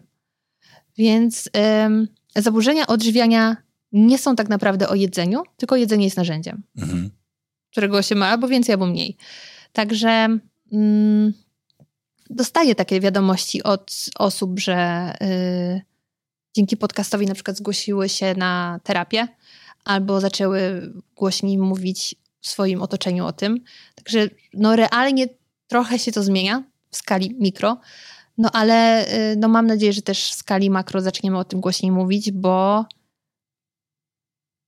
no to jest tak duża skala tego. Tylko my przyzwykliśmy do, do niektórych rzeczy i nie traktujemy tego w kategoriach, może to nie jest do końca normalne, może to nie jest do końca okej. Okay. To, że przed wyjściem ze znajomymi sprawdzam menu, nie dlatego, że jestem ciekawy, co jest w restauracji, tylko e, co jest najchudsze, że tak powiem, do zamówienia, albo odmawiamy wyjścia ze znajomymi, bo wolimy się zamknąć w domu i jeść, albo mamy ulubioną łyżeczkę, tylko którą możemy zjeść, a jak jej nie ma, no to wpadamy w furię jest mnóstwo takich dziwnych rzeczy, właśnie takich dziwnych zachowań, że ja w swojej głowie, ale na przykład też przez mojego brata na pewno, byłam postrzegana jako dziwna. W sensie, o co ci chodzi, że wracamy z podróży, mm, późna pora. I ja w pewnym momencie pytam mojego brata, Paweł, zajdziemy do McDonalda? On mówi, Jezu, no po prostu niebo się, yy, jak się mówi? Piekło zamarzło. Piekło zamarzło. No, bliżej, no dobra, piekło zamarzło. Ty chcesz jechać do Maka. No ja mówię, no tak, bo tam może w Happy Mealu, pamiętam, była jakaś sałatka czy coś. Takie, ja pierdolę, chcesz jechać do... No i nie udało się, przekonałam. Chcesz jechać do Maka na sałatkę jabłko? No i to jest takie teoretycznie niewinne, no to zamówię sobie coś innego niż wszyscy. No, od niewinnych rzeczy robią się też gorsze już ukrywanie jedzenia. I to nawet nie chodzi o to, że trafisz do tego szpitala psychiatrycznego na oddział, czy nie. Ja nie trafiłam. Um, chociaż z moją mamą szukałyśmy pomocy, ale jej nie znalazłyśmy na tamte czasy i ja po prostu sama z tego wyszłam, spotykając się milion razy. Um, I to nawet też wiele osób, które u mnie gościło, mówi, że one słyszały komentarze w zasadzie jaką ty możesz mieć anoreksję, jak wcale taka chuda nie jesteś? No kurczę, jak słyszy to osoba, która już teraz boi się jeść, no to ona dobije jeszcze te kilogramy w dół, żeby ktoś się zainteresował, że może faktycznie ma problem. Więc, więc dziękuję, że zapytałeś. Mogłam się wygadać i mam nadzieję, że trochę osób um, albo odpali ten podcast, bo myśli, że może ma kogoś z problemem takim obok siebie. I powiem tak, nie znajdziecie tam stricte odpowiedzi, jak pomóc, bo ja nie wiem. Ja sama pamiętam, jak chorowałam i ktoś chciał w jakiś sposób mi pomóc, to ja nie przyjmowałam tej pomocy. I tak jak słucham tych historii, to wiele osób też nie za bardzo nawet ma pomysł, co zrobić w takiej sytuacji. Um, ale świadomość już w ogóle, jak to wszystko przebiega, co się robi, właśnie na co uważać. Na przykład takim triggerem dla wielu osób, dla mnie również, było to, jak już nabrałam trochę kilogramów, no bo ja w najgorszym momencie ważyłam 20 kilogramów mniej. E, I kiedy zaczęłam nabierać powoli te kilogramy i moja babcia mówiła, no teraz tak fajnie wyglądasz. To dla mnie to było, o mój Boże, to znaczy, że jestem gruba, jeśli babcia tak mówi. Oczywiście nie byłam i dzisiaj jak babcia dalej to mówi, mimo że już od wielu lat wyglądam tak samo, to ciągle tak mówi, to ja się cieszę, bo ja wiem, że ona się cieszy i ja się cieszę, jest super. Ale na tamten moment to jest straszny trigger, bo mimo, że ty teoretycznie chcesz wrócić do zdrowia, to boisz się. I jak słyszysz, że ktoś widzi, że jednak coś się z twoim ciałem dzieje, to jest dramat. Więc no taka informacja właśnie, taką informację może wynieść z podcastu, ale też jeśli ktoś u siebie podejrzewa, że coś jest nie tak, to warto posłuchać, bo może się okazać, że te właśnie dziwactwa, które się ma, tak jak właśnie mój brat musiał mnie uznawać za dziwaka, to nie są moje dziwactwa, to jest objaw choroby. I to też jest fajnie sobie uświadomić, że to, co ci się wydawało, że jestem taka dziwna, co ja w ogóle robię, to nie jest ty. No to, to tak jak powiedzieć, dziwne, że mój organizm ma gorączkę. No to nie do końca jest tak, że on ma, to jest objaw choroby. Mhm. Y, więc, więc taką właśnie mam misję w tym podcaście, sobie dodawać wiesz. W zasadzie nie mam czasu nagrywać tu i tu, ale założę, założę jeszcze jeden podcast, tak było. No ale właśnie ja to robię po coś. On ma akurat misję w przeciwieństwie do pozostałych. Pozostałe mają być miłym umilaczem czasu. A ten ma nadzieję, że po prostu coś zmieni. Jak ciebie słucham, to mam przekonanie, że miałaś dobrą i masz pewnie bliską relację z mamą. Mhm a jednocześnie zaburzenia odżywiania uczą nas ukrywania. Jakie miałeś strategię ukrywania? Widzisz, no ja nie miałam strategii ukrywania, bo ja, yy, ja mam doskonały kontakt z moją mamą i mnie było głupio ją oszukiwać. Mhm. Więc na pewno nie miałam takich akcji, że wyrzucałam jedzenie. Ja nigdy nie wyrzucałam jedzenia i go nie kitrałam i tak dalej, bo ja już sobie w liceum, a to głównie przypadło na moje liceum, no i później już życie dorosłe w Warszawie, więc tak byłam sama. Um, gotowałam sama. Mhm. Ale też w naszym domu tak było, że moi rodzice bardzo dużo pracowali, więc zwykle te posiłki były tak, że my sobie odgrzewaliśmy coś tam, zanim rodzice wrócą z pracy. Um, więc ja nic nie ukrywałam. A moja mama, kiedy zobaczyła, że coś się zaczyna dziać, że na przykład zrobiłam się też bardzo nerwowa na pytania mhm. związane z jedzeniem, to też jest mhm. takie naturalne, no to próbowała się dowiedzieć, więc ja jej trochę tam mówiłam i jedyne, co można powiedzieć pod oszukiwanie, to pytała na przykład, czy się ważyłam i jak tam, mhm. czy znowu nie zleciałam, to mówiłam, nie, jest okej. Okay. Mimo, mhm. że wiedziałam, że znowu coś spadło, ale już nie chciałam jej dodawać smutków. Y, natomiast y, nie, na, na takiego oszukiwania nie było, bo no ja w ogóle słabo kłamię, jako tak całościowo, a mamę okłamywać to już w ogóle nie jest y, mój klimat. Mm, także ona dużo wiedziała, co się dzieje i ja też kiedy dojrzałam już do tego, że chciałabym coś zrobić, bo trochę to zaczyna mnie niepokoić, no to poszłam do niej i zaczęłyśmy mhm. szukać po, pomocy, no ale to był jakiś rok 2013. Mhm.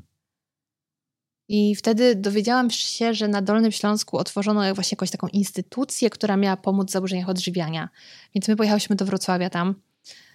I pani yy, tak popatrzyła na mnie, no tak, no córka musi zacząć jeść. I słuchaj, dała mi taką karteczkę na zasadzie zasady zdrowego żywienia. Ryby dwa razy w tygodniu, coś tam, coś tam. Takie... Człowieku, kobieto, ja mam też ortoreksję poza anoreksją. Ja doskonale wiem, jak wygląda zdrowe żywienie. To nic mi nie daje. Nawet uważam, że to nie jest tak zdrowe, jakby mogło być. Um, A ortoreksja to jest? Ortoreksja to jest z kolei takie zaburzenie, że musisz jeść tylko, tylko zdrowo. zdrowo. Tylko zdrowo. No i początkowo to wydaje się nieszkodliwe. No to dobrze, przecież e, tłuszcze trans i tak dalej. Tylko w pewnym momencie coraz więcej grup zaczynasz postrzegać jako niezdrowe i to się robi coraz mniejsza grupa tego, co możesz jeść. I po prostu zaczynasz się bać niektórych produktów tego, że zjesz i, i, będziesz chory. To to brzmi no, irracjonalnie absolutnie, ale tak jest, że boisz się, że jak zjesz batonika, no to, to on jest bardzo niezdrowy. Dzisiaj ja już nie potrafię myśleć w takich kategoriach i nawet co sobie wtedy myślałam, no ale u mnie to się dodatkowo połączyło z anoreksją, więc nie dość, że ja nie chciałam za bardzo jeść, bo bałam się przytyć, bo miałam bardzo dużo po prostu zarzutów do swojej sylwetki, a też wchodziłam w branżę modelingu, która jest dość restrykcyjna, no to jeszcze jak już jadłam, to musiało być zdrowe. Także no przepraszam, ale muszę powiedzieć, no przejebane. To jest, to jest życie takim maraźmie. Jak ja myślę o latach mojego liceum, to po pierwsze ja za wiele nie pamiętam. Nie pamiętam praktycznie mojego liceum i mam taką teorię, że mój mózg, ponieważ był tak wyczerpany, to on niepotrzebne funkcje Wyłączył. odciął, więc mhm. pamięć u mnie nie działała za bardzo. W sensie wtedy działała, ale dzisiaj nie pamiętam tych rzeczy. Um, ale to był taki jeden wielki marazm. To jest idealne słowo, w ogóle piękne polskie słowo marazm. Taki odpowiednik Weltschmerzu, który też bardzo lubię. No straszne to było. Tak, tak się czujesz uwięziony w tym świecie, który sobie stworzyłeś, nie? Także, och, bardzo się cieszę, że to za mną. Chociaż oczywiście zawsze są jakieś gorsze dni i tak sobie myślę, o Jezu, no znowu mi coś, coś tam, ale to już nie jest to, co było, bo ja już to mam w ryzach. I dlatego jak słucham historii e, moich gości, to no mam ochotę po prostu ich przytulić i powiedzieć, guys, to naprawdę jest do ogarnięcia, ale w tym momencie myślisz, dobra, to, że ktoś ogarnął, no to ja nie, bo to jest ktoś inny i zawsze ci się wydaje, że ty jesteś wyjątkowy i ty nie ogarniesz. Bo myślę, że też takie bardzo toksyczne to, co było, kiedy ja się z tym mierzyłam, to wtedy była taka jedna dość znana osoba, która się w tym temacie wypowiadała i jej zdaniem wszystko wynikało z tego, że jesz za mało. Że jak zaczniesz jeść dobrze, wyliczone, makro, wszystko się będzie zgadzać, to nie będzie już tego problemu. No nie. A druga sprawa była taka, że jeśli już ktoś zabierał głos w internecie, to były to osoby, które naprawdę albo rzekomo już z tego wyszły. Mhm. I nigdy nie słyszałeś historii ludzi w procesie. Okay.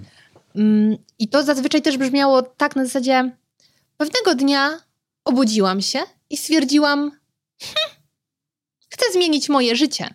I od tego momentu nie miałam problemu. Co za główno prawda. Z takim problemem to wygląda, że zrobisz dwa kroki, trzy do tyłu. Dwa kroki do przodu, jeden do tyłu. I to jest taka ścieżka. I tyle razy się będziesz potykać, ale najważniejsze, żeby dalej cisnąć, bo to nie jest na takiej zasadzie, jak niektórzy mają takie wyzwania, że dobra, 10 dni tego i tego nie będę robił, albo 10 dni będę to robił. I 11, nie wiem, dziewiątego dnia nie zrobisz, myślisz, no i... Po co? I poszło się, prawda, zepsuło. Ale to nie jest prawda, bo masz za sobą te 8 dni, kiedy się udało, a to, że ty sobie jakieś głupie założenie zrobiłeś, to jest coś innego. Ale to nie jest zmarnowana praca. I to jest to samo. Potkniesz się znowu, po fajnym czasie jest gorzej, ale ta praca się nie wymazała. Ty już to mhm. masz za sobą i fakt, że pewnego dnia zaczynasz robić jakieś takie malutkie rzeczy. Na przykład ktoś bał się bananów, no bo banany są kaloryczne. I to, że jednego dnia zjesz pół banana, a następnego zjesz cały, to jest ogromny krok. Więc, um, więc chyba wyszliśmy od pytania, tak? Czy ja oszukiwałam moją mamę? Mhm. Nie. nie oszukiwałam. Jak trafiłaś do świata modelingu? Wepchałam się tam. E, wepchałam się tam, ponieważ ja pochodzę z bardzo małej miejscowości. Jak słyszę, że ktoś mówi, że nie wiem, że Radom jest małą miejscowością, albo że, e, że Toruń jest małą miejscowością, to jest takie, bądźmy poważni. Moja miejscowość ma 5 tysięcy mieszkańców e, na Dolnym Śląsku. No i to jest takie akurat miejsce, piękne, jeśli chodzi o widoczki, tereny poniemieckie, pięknie, ale tam nie za bardzo jest co robić. Mm, nawet do tego stopnia, że jak pojechać na jakąś fajną imprezę, gdzie nie nikt cię nie pobije, to trzeba było jechać do Wrocławia. To jest mhm. 130 kilometrów. Nie da się jechać 130 kilometrów na imprezę, żeby później jeszcze wrócić z niej. Trzeba by już ogarniać nocleg. Mm. Więc tak, mała miejscowość. I ja trochę nie do końca wiedziałam, co robić ze swoim życiem, tak jak zresztą zaczęliśmy od tego podcast. Bo idąc do liceum miałam plan zostać chirurgiem, bo się oglądam chirurgów. Ale kiedy już na pierwszej lekcji poznałam moją panią od biologii, stwierdziłam po ptokach, to, to nie wyjdzie. I o ile uwielbiałam chemię, tak nienawidziłam biologii i, i po prostu no, bałam się tej kobiety. Ona, uważam, że to był mobbing. Tak naprawdę uważam, że to był mobbing. Um, więc ten plan szybko gdzieś tam spadł. I modeling interesował mnie już właściwie chwilę przed liceum. Mhm ale to tak na takiej zasadzie, a fajnie było. To też były czasy, kiedy często z koleżankami się chodziło na zdjęcia, taki mniej więcej 2010 rok, czas fotoblogów i te sprawy. Y, I lubiłam to. No a poza tym, no wyrośnięta to oczywiście na modelkę, mm, bo mam 1,79 m.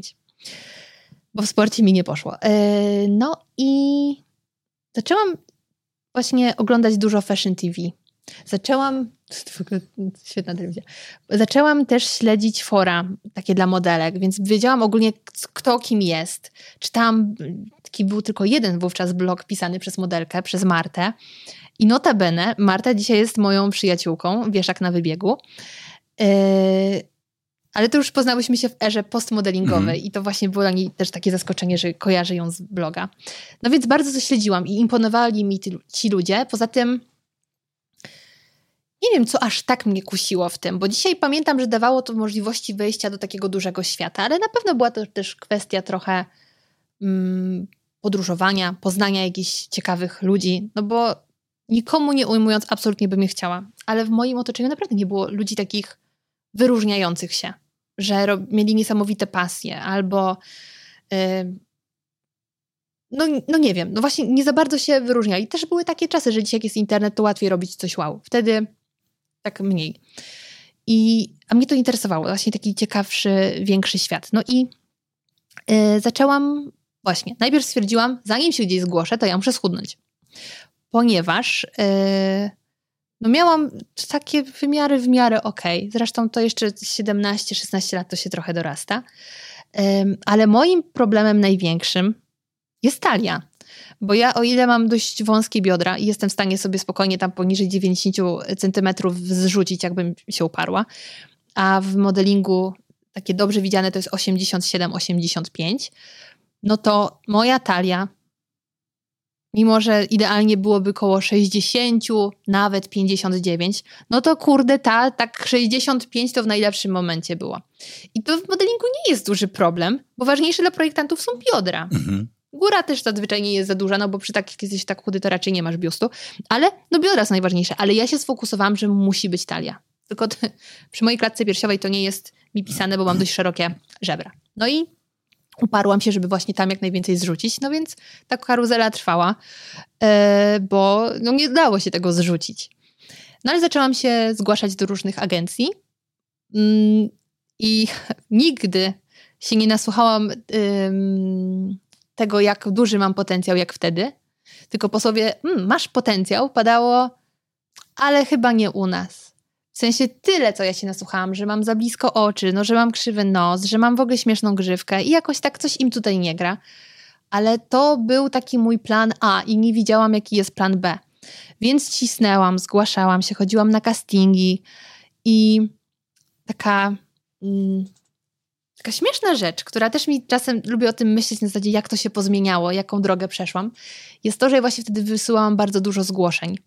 I mm, czekałam na jakieś maile z odpowiedzią, wchodziłam na tą skrzynkę i było mi tak smutno, że nikt do mnie nie pisze, że, że wiesz, że nie dostaję żadnych maili.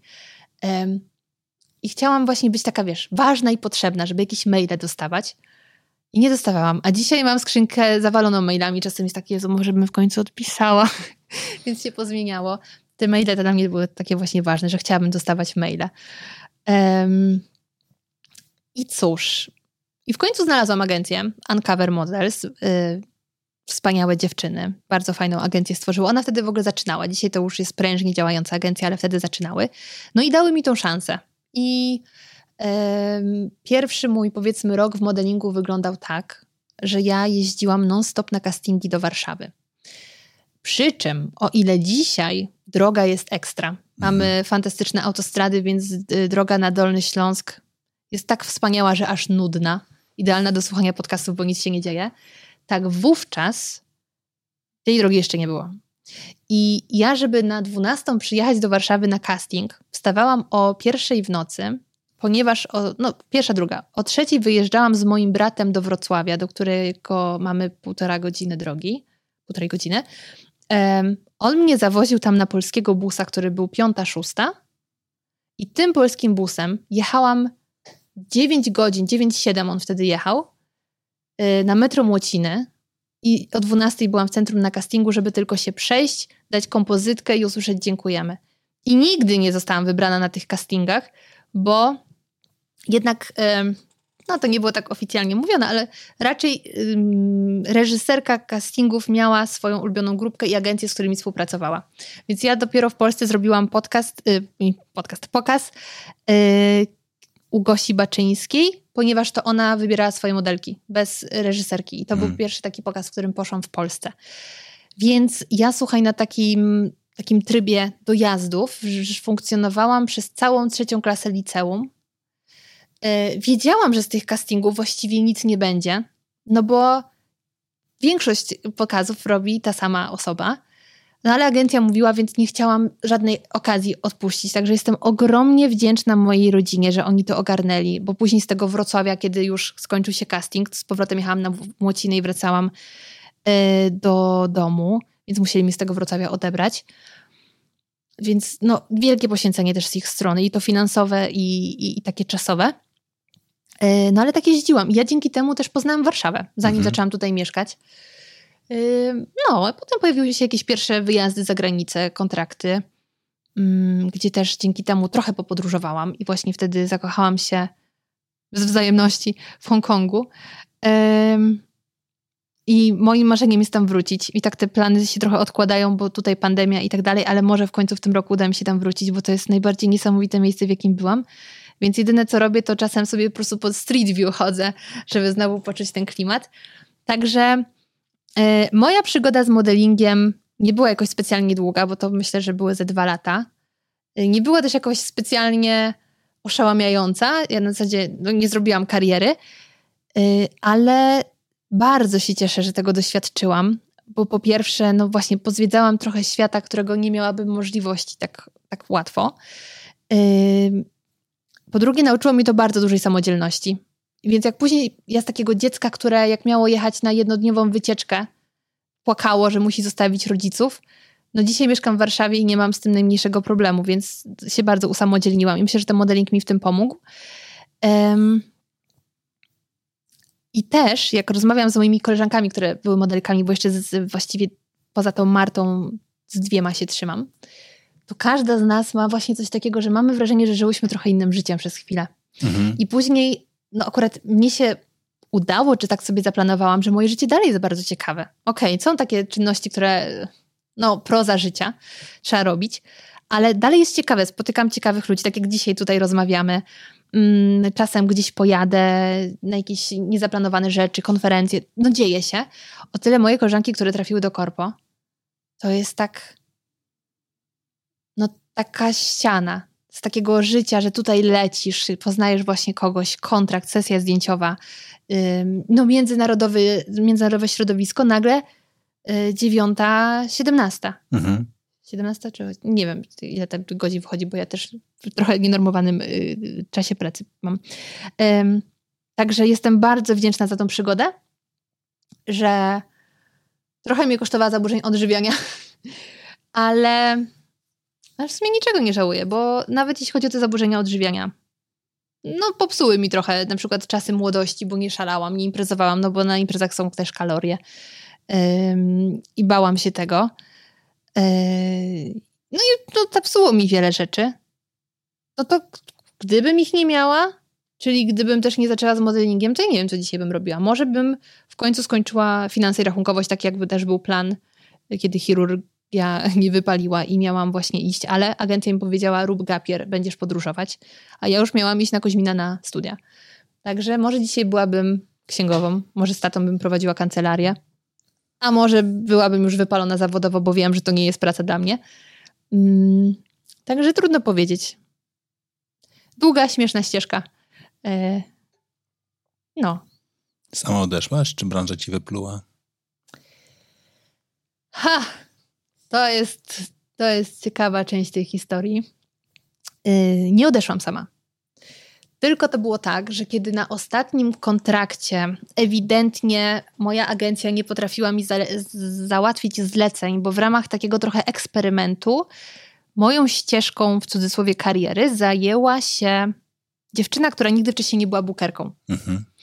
E, nie przejął mnie ten chłopak, który ogarniał świetne mm, zlecenia innym dziewczynom z agencji, tylko ta dziewczyna, która sama też była modelką, no i stwierdziła, spróbuję być bukerką. A ja nie mam takiej komercyjnej y, urody, zdecydowanie nie mam. Nie jest to taka prosta uroda do sprzedaży, chyba, że dużym domom mody, które nie boją się dziwnej urody. E, ja nawet miałam taką sytuację, to jeszcze w wcześniejszej agencji, bo to już nie było to Uncover, tylko kolejna, ale to już nie będę im robić reklamy. To dziewczyny raz wysłały mnie na spotkanie z bookerem z IMG z Nowego Jorku i on wtedy powiedział mi, że ja potrzebuję jeszcze zbudować książkę, mhm. więc może, żebym poleciała do jakiejś Turcji czy gdziekolwiek, żeby zrobić tą książkę.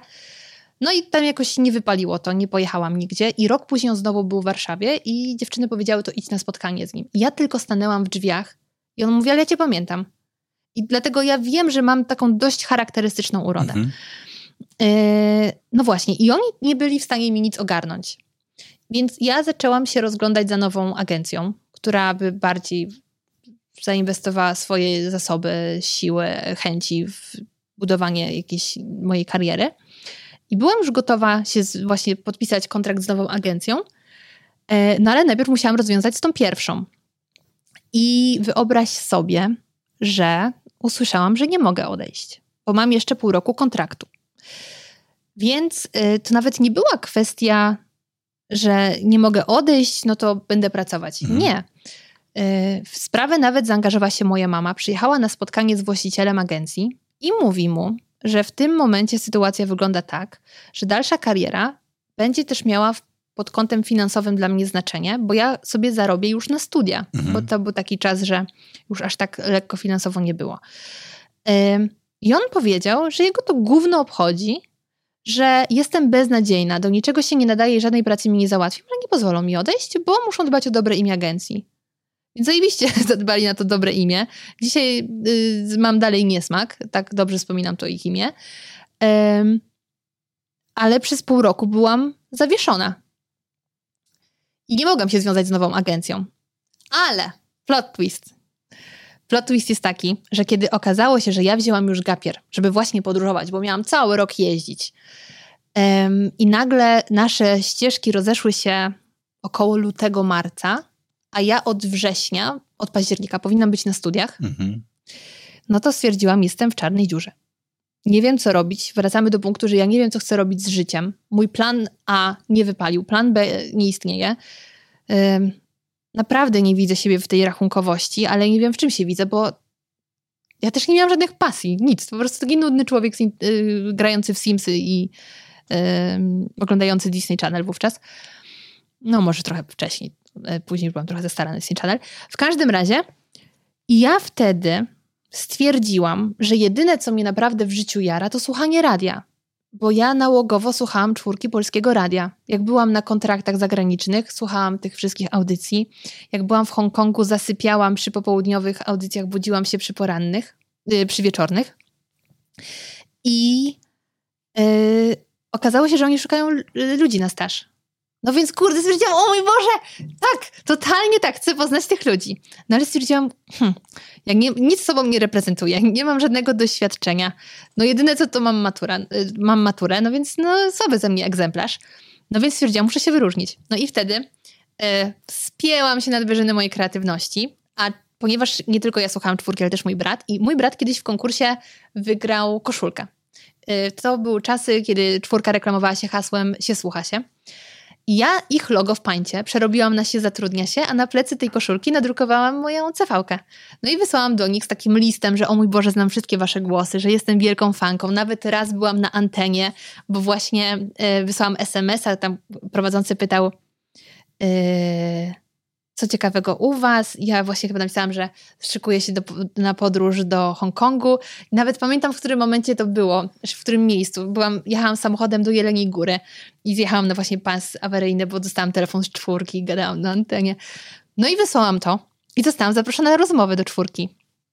Tylko wtedy dowiedziałam się, że no, wiesz, tutaj raczej za dużo nie zarobisz. To jest bardziej takie kieszonkowe no ale jak chcesz, no to, to zapraszamy. Ale wtedy dostałam jeszcze e, opcję mm, wylotu na parę miesięcy do Paryża. No i yy, Magda, którą serdecznie pozdrawiam, mówi: Słuchaj, no leć, leć, korzystaj z tych możliwości, tutaj będziemy czekać w razie czego, no a też nie zarobisz, więc pieniądze ci na przykład nie uciekną. Mówię, dobra, no to lecę. No i wracam. Wróciłam do Warszawy już z wynajętym nawet pokojem w Warszawie, już była przeprowadzka szalona w weekend. Wracam 1 czerwca, wysyłam do Magdy SMS-a, jestem gotowa i dostaję odpowiedź, ale my już nie mamy tego miejsca. I ja słuchaj, tak jak obudziłam się, nowe miejsce, nowa ja, bo to naprawdę była moja pierwsza noc w Warszawie. Załamana, zapłakana, wsiadam w polskiego busa, wróciłam do domu. I myślę, no a jak to? To nie tak miało być. Co w ogóle, co ja teraz mam zrobić? Plan B nie wypalił. I wtedy w polskim busie pamiętam, wysłałam SMS-a do Magdy, że słuchaj, ja i tak już jestem na miejscu i ja mogę wam parzyć tą kawę. Nie ma to dla mnie znaczenia co będę robić. Ja po prostu chcę już przy was być i się uczyć. I Magda mówi, dobra, to wpadnij jutro, to znajdziemy ci inne zajęcie. No i następnego dnia wróciłam z powrotem yy, do Warszawy, poszłam na spotkanie i zaczęła się moja przygoda z Polskim Radiem. Także no nie ma przypadków. Zablokowali mnie na te pół roku, no więc znalazłam sobie inne zajęcie, które stało się moim życiem. Także lubię tę historię. Ojejku, lubię tę historię, no. Dawno jej nie opowiadałam, ale yy, zawsze się cieszę, bo to było strasznie szalone wszystko. No i takie, wiesz, z przypadku. Ja tych wielu rzeczy nie planowałam. Większość rzeczy w moim życiu ja nie planowałam. E, a co więcej, okazało się, że to miejsce, które zostało zajęte, zajęła moja przyjaciółka. W sensie została później moją przyjaciółką, bo to była właśnie dziewczyna, która też pracowała w polskim radiu. I ja musiałam pójść na pierwszą sondę uliczną. I ogólnie później to był mój konik. Tak jak nikt z reporterów nienawidzi sąd ulicznych, to ja byłam żywiole. Podchodzi do obcych ludzi i zadawać dziwne pytania.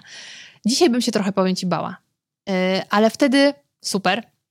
No ale na początku nie wiedziałam, jak to się robi. No i na pierwszą e, sondę zabrała mnie Klaudia, później pokazała mi, jak się montuje. No i do dzisiaj jesteśmy przyjaciółkami, mieszkamy właściwie nawet w jednym bloku, tak się zdarzyło. Więc e, taka historia. Chciałabyś wrócić do radia? Mm, pewnie, że tak. Pewnie, że tak. Ja w radiu byłam przez rok.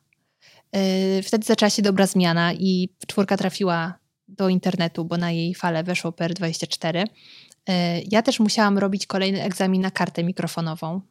I już yy, to nie są też tanie rzeczy, żeby jeszcze te kursy zaliczyć i tak dalej. I stwierdziłam, no, to ja już chyba się zwijam. Też nie będę się zgodziła na to, żeby niektóre rzeczy mówić, a niektórych nie mówić, bo ktoś zakazuje. I wtedy właśnie znowu trochę weszłam na wyżyny mojej kreatywności i dostałam pracę w WP. Tutaj też taka jest trochę szalona historia. Nie wiem, czy opowiedzieć. Dawaj. Y, no bo właśnie, chciałam się przebranżowić, pójść do telewizji, bo właśnie, wydawało mi się, że telewizja jest wyżej niż radio, że radio od radia można zacząć, później jest telewizja.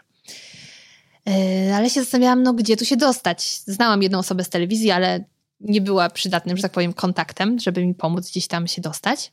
Chociaż dostałam jeden namiar, to chociaż na trochę inną telewizję niż na początku myślałam i była opcja, że będę reporterką w programie, który nałogowo oglądałam, I akurat od tego sezonu go ściągnęli e, z wizji, więc tylko byłam na zapoznawczym spotkaniu i nic z tego nie wyniknęło. E, ale tak, stwierdziłam, chcę iść do telewizji. Do dużych telewizji się nie dostanę bez znajomości raczej. Mhm.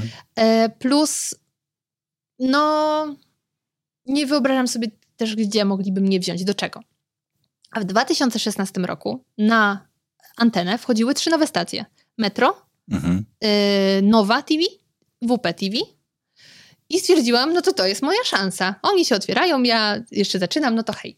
No i stwierdziłam, że do y, metra nie wysyłam, bo to głównie filmy tam chyba miały lecieć, jeśli dobrze mhm. pamiętam. Tam nie była taka stricte telewizja. Ale stwierdziłam, odezwę się do nowej TV, do WP i do kuchni TV. No bo to już tematycznie. I znowu, y, nie mam żadnego doświadczenia. Mam większe niż zanim zaczynam w radiu, ale nie mam telewizyjnego. E, więc trudno mi tutaj czymś zaimponować. Ale yy, stwierdziłam, dobra, no to zróbmy coś inaczej. I ponieważ był to 4 grudnia, zbliżały się Mikołajki, no to stwierdziłam, kurczę, to upiekaj ciasteczka. I upiekłam, słuchaj, pierniczki. Zapakowałam je w celofan, celofak, nigdy nie wiem. W tą folię, folię. taką, tak przezroczystą, ładną, ozdobną. Yy, I zrobiłam z tego taką paczuszkę. Dodałam do tego CV, list motywacyjny. No i na, yy, nadałam kurierów, no bo stwierdziłam, pocztą nie wierzmy w możliwości poczty.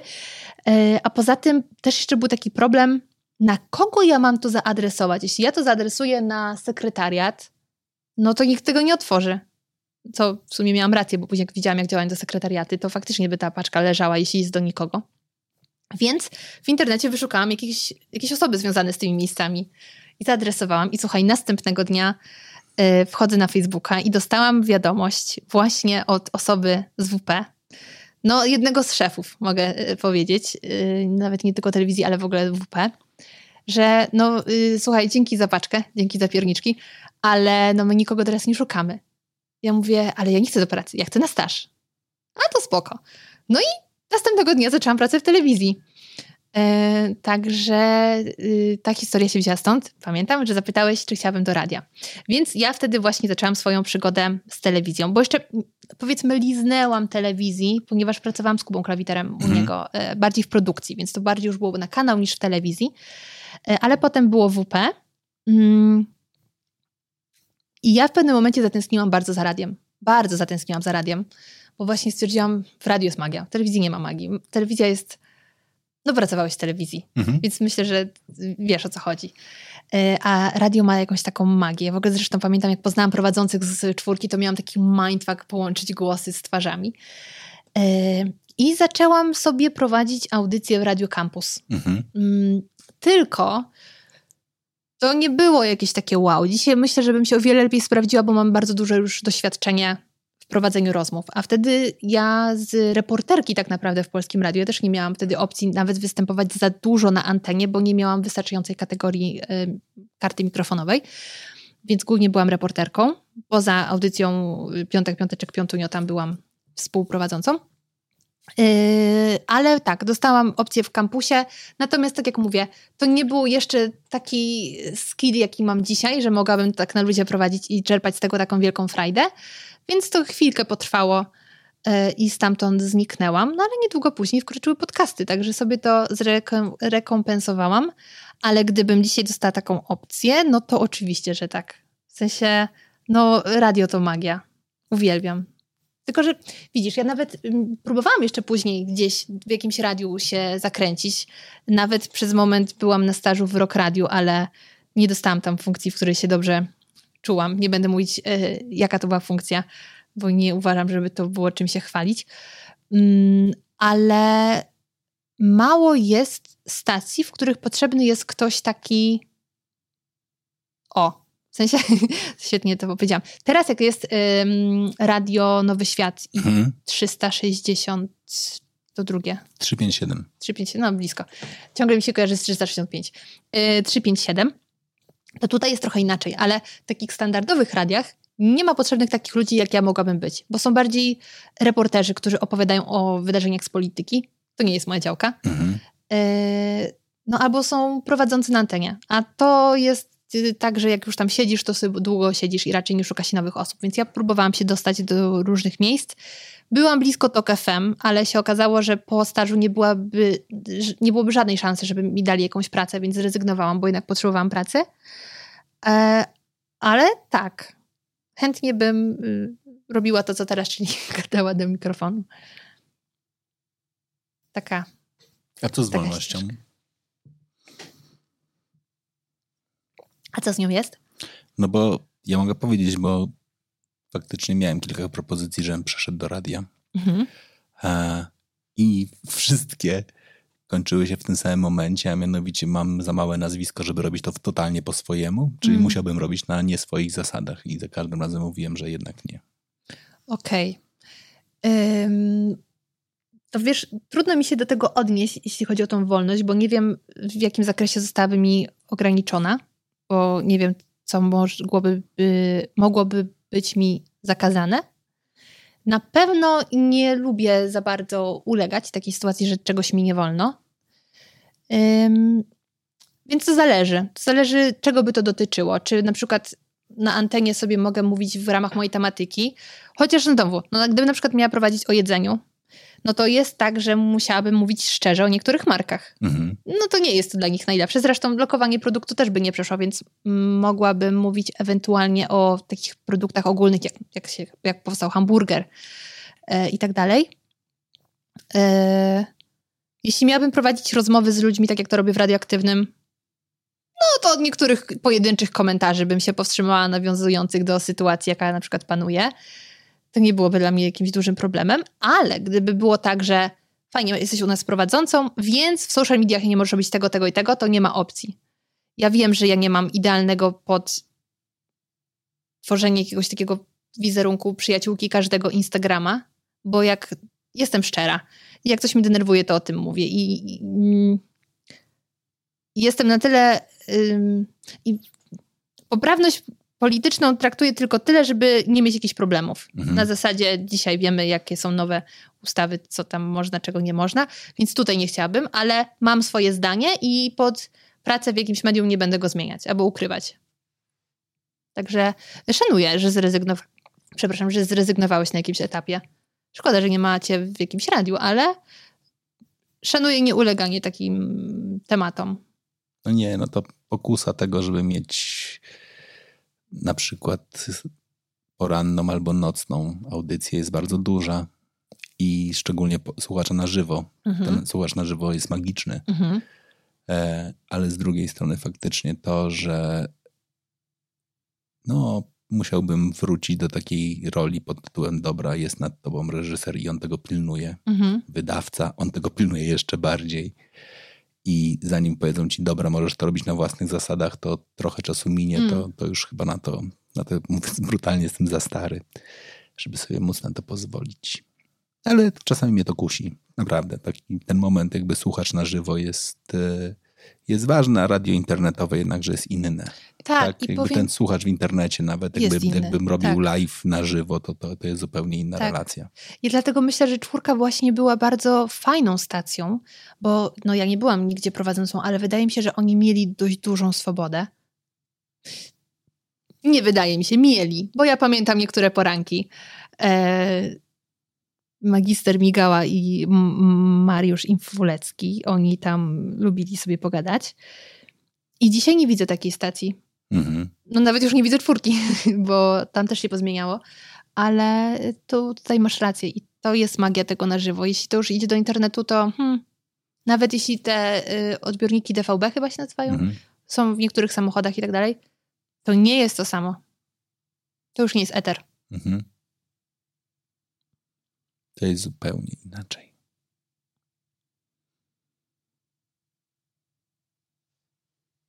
Jak byś skończyła tę rozmowę?